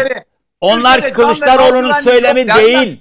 Onlar gazetelerin, yandaş gazetelerin yorumları. Hayır bir saniye. Ben Kemal Bey'in söyleyeceğim. ağzından çıkan lafı Ben söyleyeyim. söyleyeceğim şimdi. Buyurun. Ben okuyorum. Allah Allah. Benim can ve bir saniye Mete Yarar. Benim can ve mal güvenliğim yoksa yabancı sermaye neden gelsin? Yabancı sermayenin gelmesi için yabancı sermaye gelmek için diyecek ki ben yatırım yaparım haksızlıkla karşılaşırsam mahkemeye giderim. Hiçbirinizin ve hiçbirimizin Türkiye'de can ve mal güvenliği yok. Türkiye yatırım yapmayın demiş mi? Ya daha ne desin? Arkadaş ya? demiş mi dememiş Hayır, mi? daha Lafı ne desin uzatmaya ya? gerek yok. Hayır, abi, demiş daha mi desin? dememiş. Peki. Ya siyaset yapın ama ben bir şey söyleyeyim mi? Ya la Ya bundan insanın daha- ağzından çıkan laf yok. önemlidir. Güvenliği yok. Demiş Niye mi? gelsin demişsiniz? Demiş Bir mi muhalefet dememiş mi? partisi Ben lideri, bakın ben bir muhalefet partisi lideri mugalata yapmıyorum. Sizin kan ve mal güvenliğiniz yok. Niye gelsin dedikten sonra bana ne Niye bekliyorsunuz? bakın Türkiye'ye yatırım yapmayın dedi dediniz. Böyle Ya bir cümle kan ve yoktur. mal güvenliği yok Yapmasınlar ya. diyorsunuz. Ben Niye söylüyorum. yapsın? Yoktur kardeşim. Yani Sözünüzü ne- geri almak zorundasınız. Ha hiç geri almam. Aklı Ben şey başında? Ben şey birazcık insan sevgisi, Bir birazcık milli şuuru olan hiç kimse Türkiye'ye yatırım ki? demez. O yüzden Ya- böyle bir cümle yoktur. Bu sizin Ya- yorumunuzdur. Sayın, Böyle e, bir Sayın cümle Bey, asla olmamıştır. Aytuğ Bey, siz bir ülkede can ve mal güvenliği yoktur diyorsunuz. Daha ne Yoktur. söyleyeceksiniz ya? Yoktur. Daha ne söyleyeceksiniz? Yoktur kardeşim. O ve yatırım- mal güvenliğim yoktur. O zaman- hukukun Daha üstün ne söyleyeceksiniz? hukukun üstün olmadığı hiçbir yerde can mal güvenliği yoktur. Hukukun Bakın işte üstünlüğü şeyi yok ise can ve mal güvenliğiniz olmaz. Tamam. Yatırımcı niye gelsin o zaman? Arkadaş yatırımcı gelmesin ya. Bakın, ben yatırımcı-. Türkiye'yi kandırıyorlar ya. yatırımcı Biliyor. He, gelmesin. hayır Türkiye'yi kandırıyorlar. Yatırımcı kadar gelmesin yatırımcı diyor. gelmiş? Yatırımcı gelmesin kaç- dediğimizi kaç iddia ediyor. Böyle bir cümle Ya ağzından çıkmış Kendisi değil. söylüyor cümlenin içinde. Sayın Mete Bey siz- gerçekten siz, siz- hocasınız ya. Bakın Diyorsunuz siz ki stratejiyi bakın- çok iyi Bakın bilirsiniz. şöyle bir şey söylemiyorsunuz. Üst konuşunca anlaşılmıyor. İnsanların söylemiyorsunuz. ağzından Şöyle bir çıkan cümle yok. cümlelerle konuşun. Bakın cümleniz Bana yabancı yandaş sermaye ile gazetelerin ilgili. yorumuyla Bakın, gelmeyin. Aytuğ Bey. Aytuğ Bey. Adımı öğrendi bu arada. Teşekkür Aytuğ ederim. Bey. Bir saniye. Aytuğ Bey. Buyurun. Siz herhalde e, akıllı bir insansınız, hocasınız ve örnekleriniz de bugüne kadar doğru örnekler veriyorsunuz. Sağ ol. Ben şöyle bir konuşma yapmıyorum. Herhangi bir yerde şöyle bir konuşma yapmıyorum. İş adamlarına konuşma yapıyorum ve bu iş adamların birçoğu da yurt dışından yatırım getiren iş adamları. Ve bu adamlara söylediğiniz kelimenin içeriğine bakıyorsunuz ve siz buradan benim söylediğimi çıkartmayıp başka şey mi çıkarttınız? Vallahi bravo size. Peki. Vallahi Mete, Bitirmek bravo. Hayır. Hocam Mete Bey, Vallahi bravo. hayır, hayır, bitirmek hayır. zorundayım. Mete Bey, Süremi çok açtım. siz Sizi tebrik ediyorum. Bak Başarılar diliyorum. Bu Gerçekten. bitmez de bu hocam. Hayır, yani Tebrik ediyorum. şu, şu cümleyi Siyasi söylemem bir lazım. cevap oldu. Tebrik Mete Bey, ediyorum sizi. siz Kemal Bey'in o konuşmasını eleştirebilirsiniz. Buna hakkınız var. Yerden göğe kadar da haklı olabilirsiniz. So- konumuz o değil. Ya konumuz bakın konumuz Kemal Kılıçdaroğlu'nun söylediği Bak, bakın, bakın siz konumuz bana deseniz ki bakın şöyle söyleyeyim. Bakın, Hayda. Ben size sizin sağlıkçınızdan örnek vereyim. Ama- bakın. Sizin ama- aynen sizin ama bakın- örneğinizden vereceğim. Bakın size bir örnek bitti. vereceğim. Hala Siz bana, Kemal ki- Kılıçdaroğlu Hayır, bunu böyle söyledi ki- diyemiyorsun. Ya Ahmet diye bir hoca var. Ahmet diye bir hoca var. Ahmet diye bir hoca var. Ona gitmek istiyorum. Ben de size şöyle söylüyorum. Gitme demiyorum. Ama diyorum ki ya Ahmet Bey için çok da iyi şeyler duymuyorum. Ahmet için para da alıyor söylüyorlar. Yanlış da numaralar çekiyorlar. Yani sen olsan gider misin? Mete Bey, cevabınızdan gideyim. beni bir Aynı söylediğiniz, bakın beni bir aynı dakika- söylediğiniz beni bir Aynı- dakika dinleyin. O kadar olmaz hocam. Peki 30 saniye dinler misin kesmeden? İşin adamların konuşmasını Mete Bey yapıyor. ya. beni 30 saniye dinler misiniz kesmeden? 30 saniye. Bakın Kemal Bey'in söyledikleri hoşunuza gitmeyebilir. Yanlış da bulabilirsiniz. Eyvallah. Bizim sizinle olan tartışmamız Kemal Bey bu ülkeye yatırım yapmadı, yapmayın dedi dediniz. Ben de diyorum ki böyle bir şey söylemedi. ben aynısını iddia Yine ediyorum 30 ya. saniye bile dayanamadınız. aynı şeyi Ama bu söylüyorum ya. tartışmanın bir tek faydası oldu adımı öğrendiniz. Teşekkür ederim. Aynısını söylüyorum. Ben aynı yerdeyim.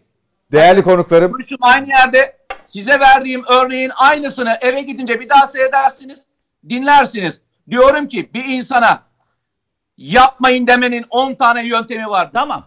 10 Peki. tane yöntemi vardır. Siz Ben yine yapmadı diye cümleyi bulun. Ben, size sizden özür dilemesini bilirim. Ama Ama bir insanın ağzından çıkan çıkmayan bir cümleyi böyle söyledi de bak bu bu Ya- anlama gelir diyebilirsiniz. Şu anlama Ya- gelir diyebilirsiniz. Ama bunu böyle Ya söyledi öyle anlamak- derseniz bunun adı Ya- doğruları sap Ya Bey, söylememek neyse. olur. Size Peki. Bey, yani tamam, sizin neyse. gibi Ben- bir insana. Ben de bir e, şey böyle bir şey söylemenin Ee, yani- yakıştığını ben düşünmüyorum. Ben, hayır bakın çok güzel bir şey söylediniz. Hep diyorsunuz ya biz söylenenleri ve yapılanları topluma bırakıyoruz. Ben de şu tartışmanın içerisinde sarf ettiğinde sizin de sarf ettiklerinizi ben de sayın topluma bırakıyorum. Toplum, Elbette beraber dinler, topluma bırakalım program bitirelim. İnanın tartışacak halim yok. Bu konu sizinle yani siyahla beyaz kadar ayrı düşündüğümüz bir konu. Kusura Peki. bakmayın. Eyvallah. Tüm konuklarıma teşekkür ediyorum efendim katıldıkları görüşlerinizi bizimle paylaştığınız için. Önümüzdeki Benim hafta görüşmek var ama üzere. değil mi? Az Biz- konuştum ben. Ee, öyle size borcum var. Sonraki Ya bir de programlar yani için. ekonomi Bunu tarihi hatırlatın. açısından önemliydi aslında. Bunu bu. hatırlatın kullanalım sonra. Ee, efendim haftaya görüşmek üzere. Hoşçakalın.